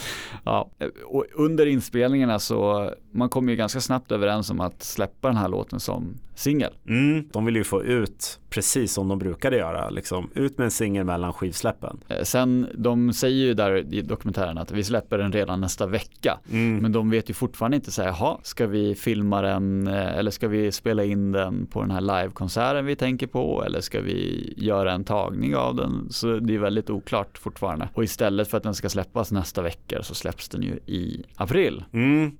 Exakt. Och i den här pressreleasen så stod det ju You'll find the Beatles as nature intended. The first Beatles record which is as live as live can be in this electronic age. Tycker jag är ganska kul. Mm. There's no electronic call it. Och B-sidan till den här eh, låten blir Don't Let Me Down och på båda låtarna så ger bandet credit till eh, Billy Preston som faktiskt jag tycker lyfter båda. Ja, ja, verkligen. Det är ju eh, supercoolt eh, Billy, hur Billy Preston spelar på Get Back. Mm. Den här igen, låten skulle inte vara samma sak om inte han är där. Nej. Um, singeln blev ju en succé också. Den, Ja. den var etta i England i, i 17 veckor. Och uh, singelversionen har också några andra alternativa små, små textrader. Uh, singelversionen har Get back Loretta, your mom is waiting for you wearing her high heel shoes and her low neck sweater. Medans vi har den versionen som de spelar på Rooftop. Mm. Givetvis då har Paul som adlibar in You've been playing on the roofs again and that's no good and you know your mommy doesn't like that. She gets angry. She's gonna have you arrested. Get Ja. back. När polisen kommer upp där på, Ja men precis. De spelar ju den faktiskt tre gånger på, Mm. på takkonserten. Eh, Phil Spector, han, han valde tagning 11 och sen klippte han ju på det här som John säger på taket. I'd like to thank you on behalf of the group and ourselves and I hope we pass the audition. Och det är väl eh, passande med tanke på att det är sista låten på sista liveframträdandet som de gör som grupp. Mm. Ja, där har vi skivan Let it be. Vad, vad tycker du om den här eh, ganska kontroversiella skivan om man får säga så? Ja, vad ska man säga? Det finns en annan podcast som heter Nothing is real. Eh, jag tycker de har sagt det Mm. väldigt bra att eh, det här är ju i princip en eh, amerikansk skiva. En amerikansk Beatles-skiva. Ja. med lite soul och blues-känsla. Tack vare att Billy Preston också gör ett fantastiskt jobb på pianot. Men sen så har du ju faktorn av Phil Spector med hans bakgrund som kommer in Mm. och producerar den och Alan Klein som också är van att liksom hantera amerikanska band och eh, albumsläpp. Så jag tycker att den här skivan är lite annorlunda från Beatles vanliga produktion och det är också någonting annorlunda i att de faktiskt spelade in den, den hamnade på hyllan så länge Mm. och sen så blev den någonting som släpptes när Beatles i princip inte existerade som grupp längre. Ja, Mm, ja, det är inte min favoritskiva ska jag säga. Jag tycker att den är lite tunn på material och att den kanske saknar lite den här gru- gruppkänslan. ja men exakt. Och det, det håller jag med om. Sen är ju det, alltså det är någonting som vi kan sitta och säga nu när vi har koll på alla historier och, och alla kontroverser bakom skivan och bråken och sådär. Mm. Men när jag var liten och började lyssna på Beatles, då var det enda jag visste att det här är en Beatles-skiva som Mm. min mamma har på vinyl. Och eh, jag älskade den. Mm. Jag lyssnade ju sönder Let it be-skivan hemma. Alltså jag lyssnade så sjukt mycket på den. Och de favoriterna jag hade då är väl samma favoriter som jag har nu. Det var Dig a Pony, I've got a feeling och Let it be. Det var Mm. mina tre favoritlåtar. Den har ändå en plats i mitt hjärta, den här skivan. Ja, många andras hjärtan också. Det blev ju en album etta eh, i USA och, och England. Så Mm. Alan Klein gjorde ju sitt jobb med att få ut den här och det ska man ju vara tacksam över att man ens fick en skiva Ja. med Verkligen. liksom nytt material. Om vi ska prata favoritlåtar från min sida då så jag har ju alltid älskat Across the Universe. Den hör ju inte riktigt till den här tiden men Nej. jag är ändå tacksam över att eh, Let it be naked-versionen eh, finns där. Eh, så man kan få höra Across the Universe så som den ska låta. Mm. Sen så gillar jag verkligen I've got a feeling. Two of us är en sån låt som verkligen har vuxit på mig tack vare Get Back-dokumentären. Ja, beredd att hålla med. den, den gillar jag verkligen och sen har jag Let it be och jag anser ju som många med mig att Don't let me down bör räknas som en Let it be-låt. Så Ja. den är också en favorit och apropå Don't let me down så det var ju några singlar som sagt runt perioden med Let it be. Mm. Och de fick ju B-sidor. också. Exakt. Och det här var ju första gången som man tog låtar från albumet och gav ut som singlar. Det hade man ju inte gjort tidigare. Det kändes lite som att lura lyssnarna. Man, man släpper ju som sagt Get Back som första singel Mm. och som B-sida på den så har man Don't Let Me Down. Pratar man Beatles B-sidor så ligger ju den här snäppet över Rain, för mig i alla fall, som Beatles bästa B-sida. Mm, absolut. Och Don't Let Me Down då, det är ju en John Lennon-komposition eh, som i sin uppbyggnad liknar lite de här låtarna som man hade sent 60-tal som eh, I Want You, She's So Heavy eh, exempelvis och eh, Cold Turkey och så vidare. Lite enklare låtar där han liksom nästan skriker ut ett eh, budskap. Eh, förmodligen inspirerat av hans eh, primalterapiperiod. Va? Ja, och sin kärlek till Yoko. Definitivt, det här är ju en låt om Yoko Ono. På en tidig hemmademo från John så sjunger han I'm in love for the first time, don't you know it drives me mad. Mm. Det är ju en rak och ärlig vädjan till Yoko eh, som han vid det här laget är helt besatt av. Och jag, jag tycker att det är fint att eh, kika på vad Paul har sagt om den här låten. He was putting himself out on a limb. I think that as much as it excited and amused him, at the same time it secretly terrified him. So Don't Let Me Down was a genuine plea. Don't let me down, please, whatever you do. I'm really letting my vulnerability be seen.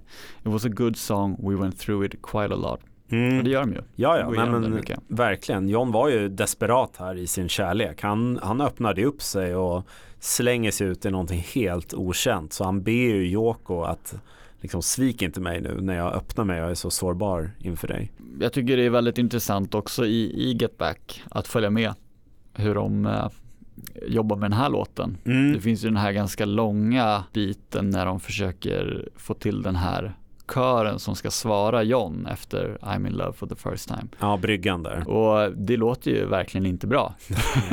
och det är kul att George säger att hade vi spelat in det här och lyssnat på bandet så hade vi kastat det här direkt. Ja, eh, det är ju mm, olika former av att vara mer eller mindre diplomatisk. Mm. Paul tycker att den är corny. Ja. Då försvarar John det med att säga att den ska vara corny Ja. eftersom det ändå inte är några smarta ord i texten. Mm. Och då säger George bara It sounds like the same old shit. Och då svarar John Well I like the same old shit if it's just clear you know. Ja, men till slut kommer man ju fram till att det där ska ju inte vara med och istället så har man det instrumentala. Mm. När man håller på att diskutera den här låten i Twickenham så frågar ju Paul om man ska ha piano. Om Paul spelar piano så måste George eller John spela bas. Och man kommer överens om att låten är starkare med två gitarrer så man skrotar den här idén med piano. Mm. Men när man sen då flyttar till Apple och Billy Preston kommer in och börjar spela på den här. Oj oj oj. Ja, nej men Wow. då, då sker det magiska saker. Eh, Billy Preston levererar ju igen då Mm. eh, och gör att låten blir komplett. Liksom. Ja. Det är bara att lyssna på Rooftop-konserten eh, när de spelar den här ihop. Mm. Det är ju eh, min favoritlåt från hela den konserten. Jag tycker att de gör det så sjukt bra. Eh, Billy Preston själv då, han har ju sagt att they were a very tight unit. They really worked hard at what they did. Everybody had their parts. That's the key of a good band actually.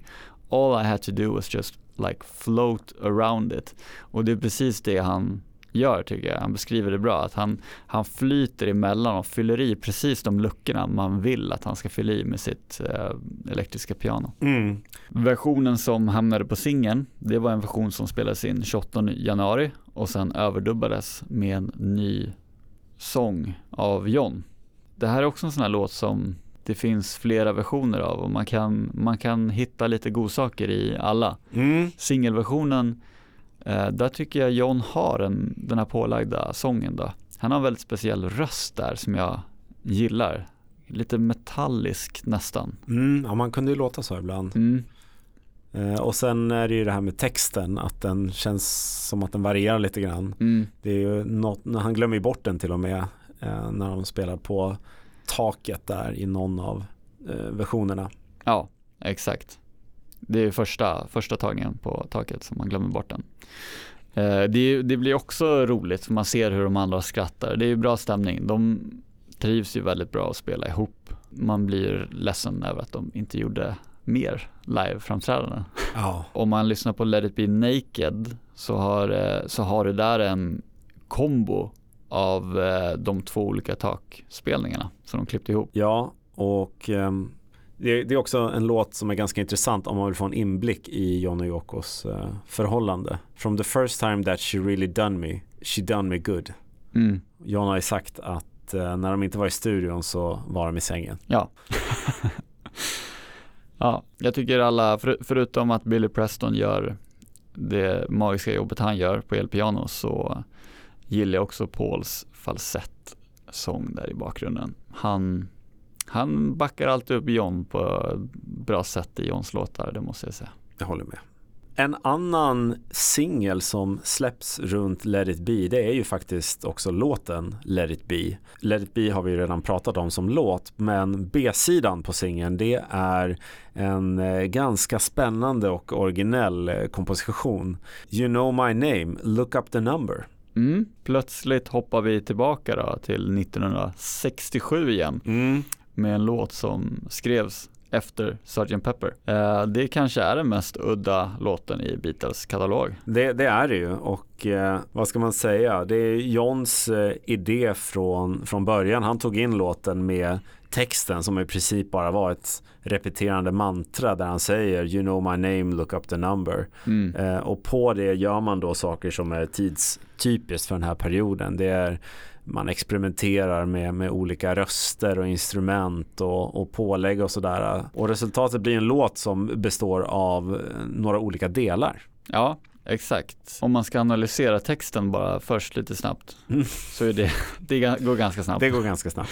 Men eh, Paul då, han eh, har ju sagt att han, han tror att det kanske var en tidig signal till Yoko.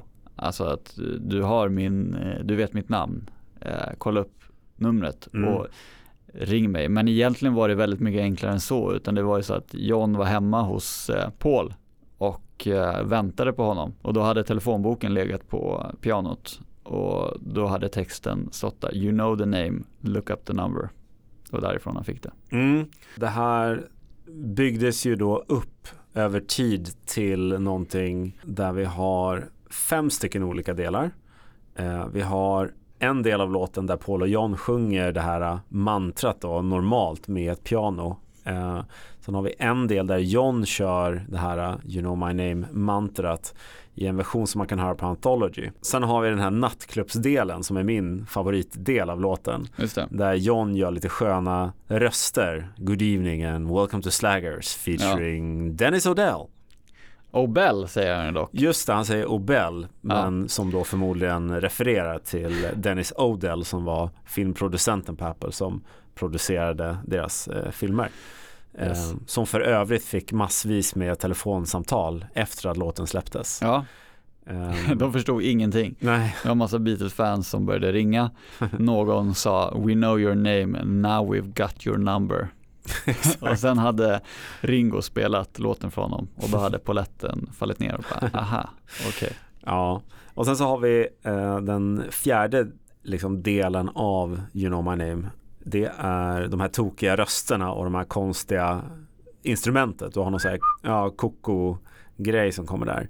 Och sen den sista jazziga biten där någon, jag vet inte om det är John eller på som mumlar på något så här ansträngt sätt. Mm. Och där vi har ett eh, saxofonsolo också som är ganska fint faktiskt. Ja, av uh, Brian Jones. Mm, från Rolling Stones. Yes. Ja, alltså det här blir ju en uh, väldigt rörig historia som John har i slutändan kallat för en comedy record. Mm. Eh, och att eh, ja, men John gillar den men att de aldrig riktigt lyckades utveckla det här till en riktig låt och då blev det lite mer eller mindre ett skämt liksom bara. Ja. En skojlåt. Eh, och ja, George Martin var på semester när det här spelades in och det kan man förstå. Den ja. är inte så redigerad eller producerad direkt. Nej, men den är väldigt rolig. Och eh, Paul, eh, han var ju lite sentimental 1900 88 när han faktiskt nämnde den som hans favorit Beatles-låt. Ja. Jag antar att den hade liksom kommit upp till ytan av någon anledning. Och han pratade om att här, folk upptäckte gamla Beatles B-sidor och då säger han ju all the memories.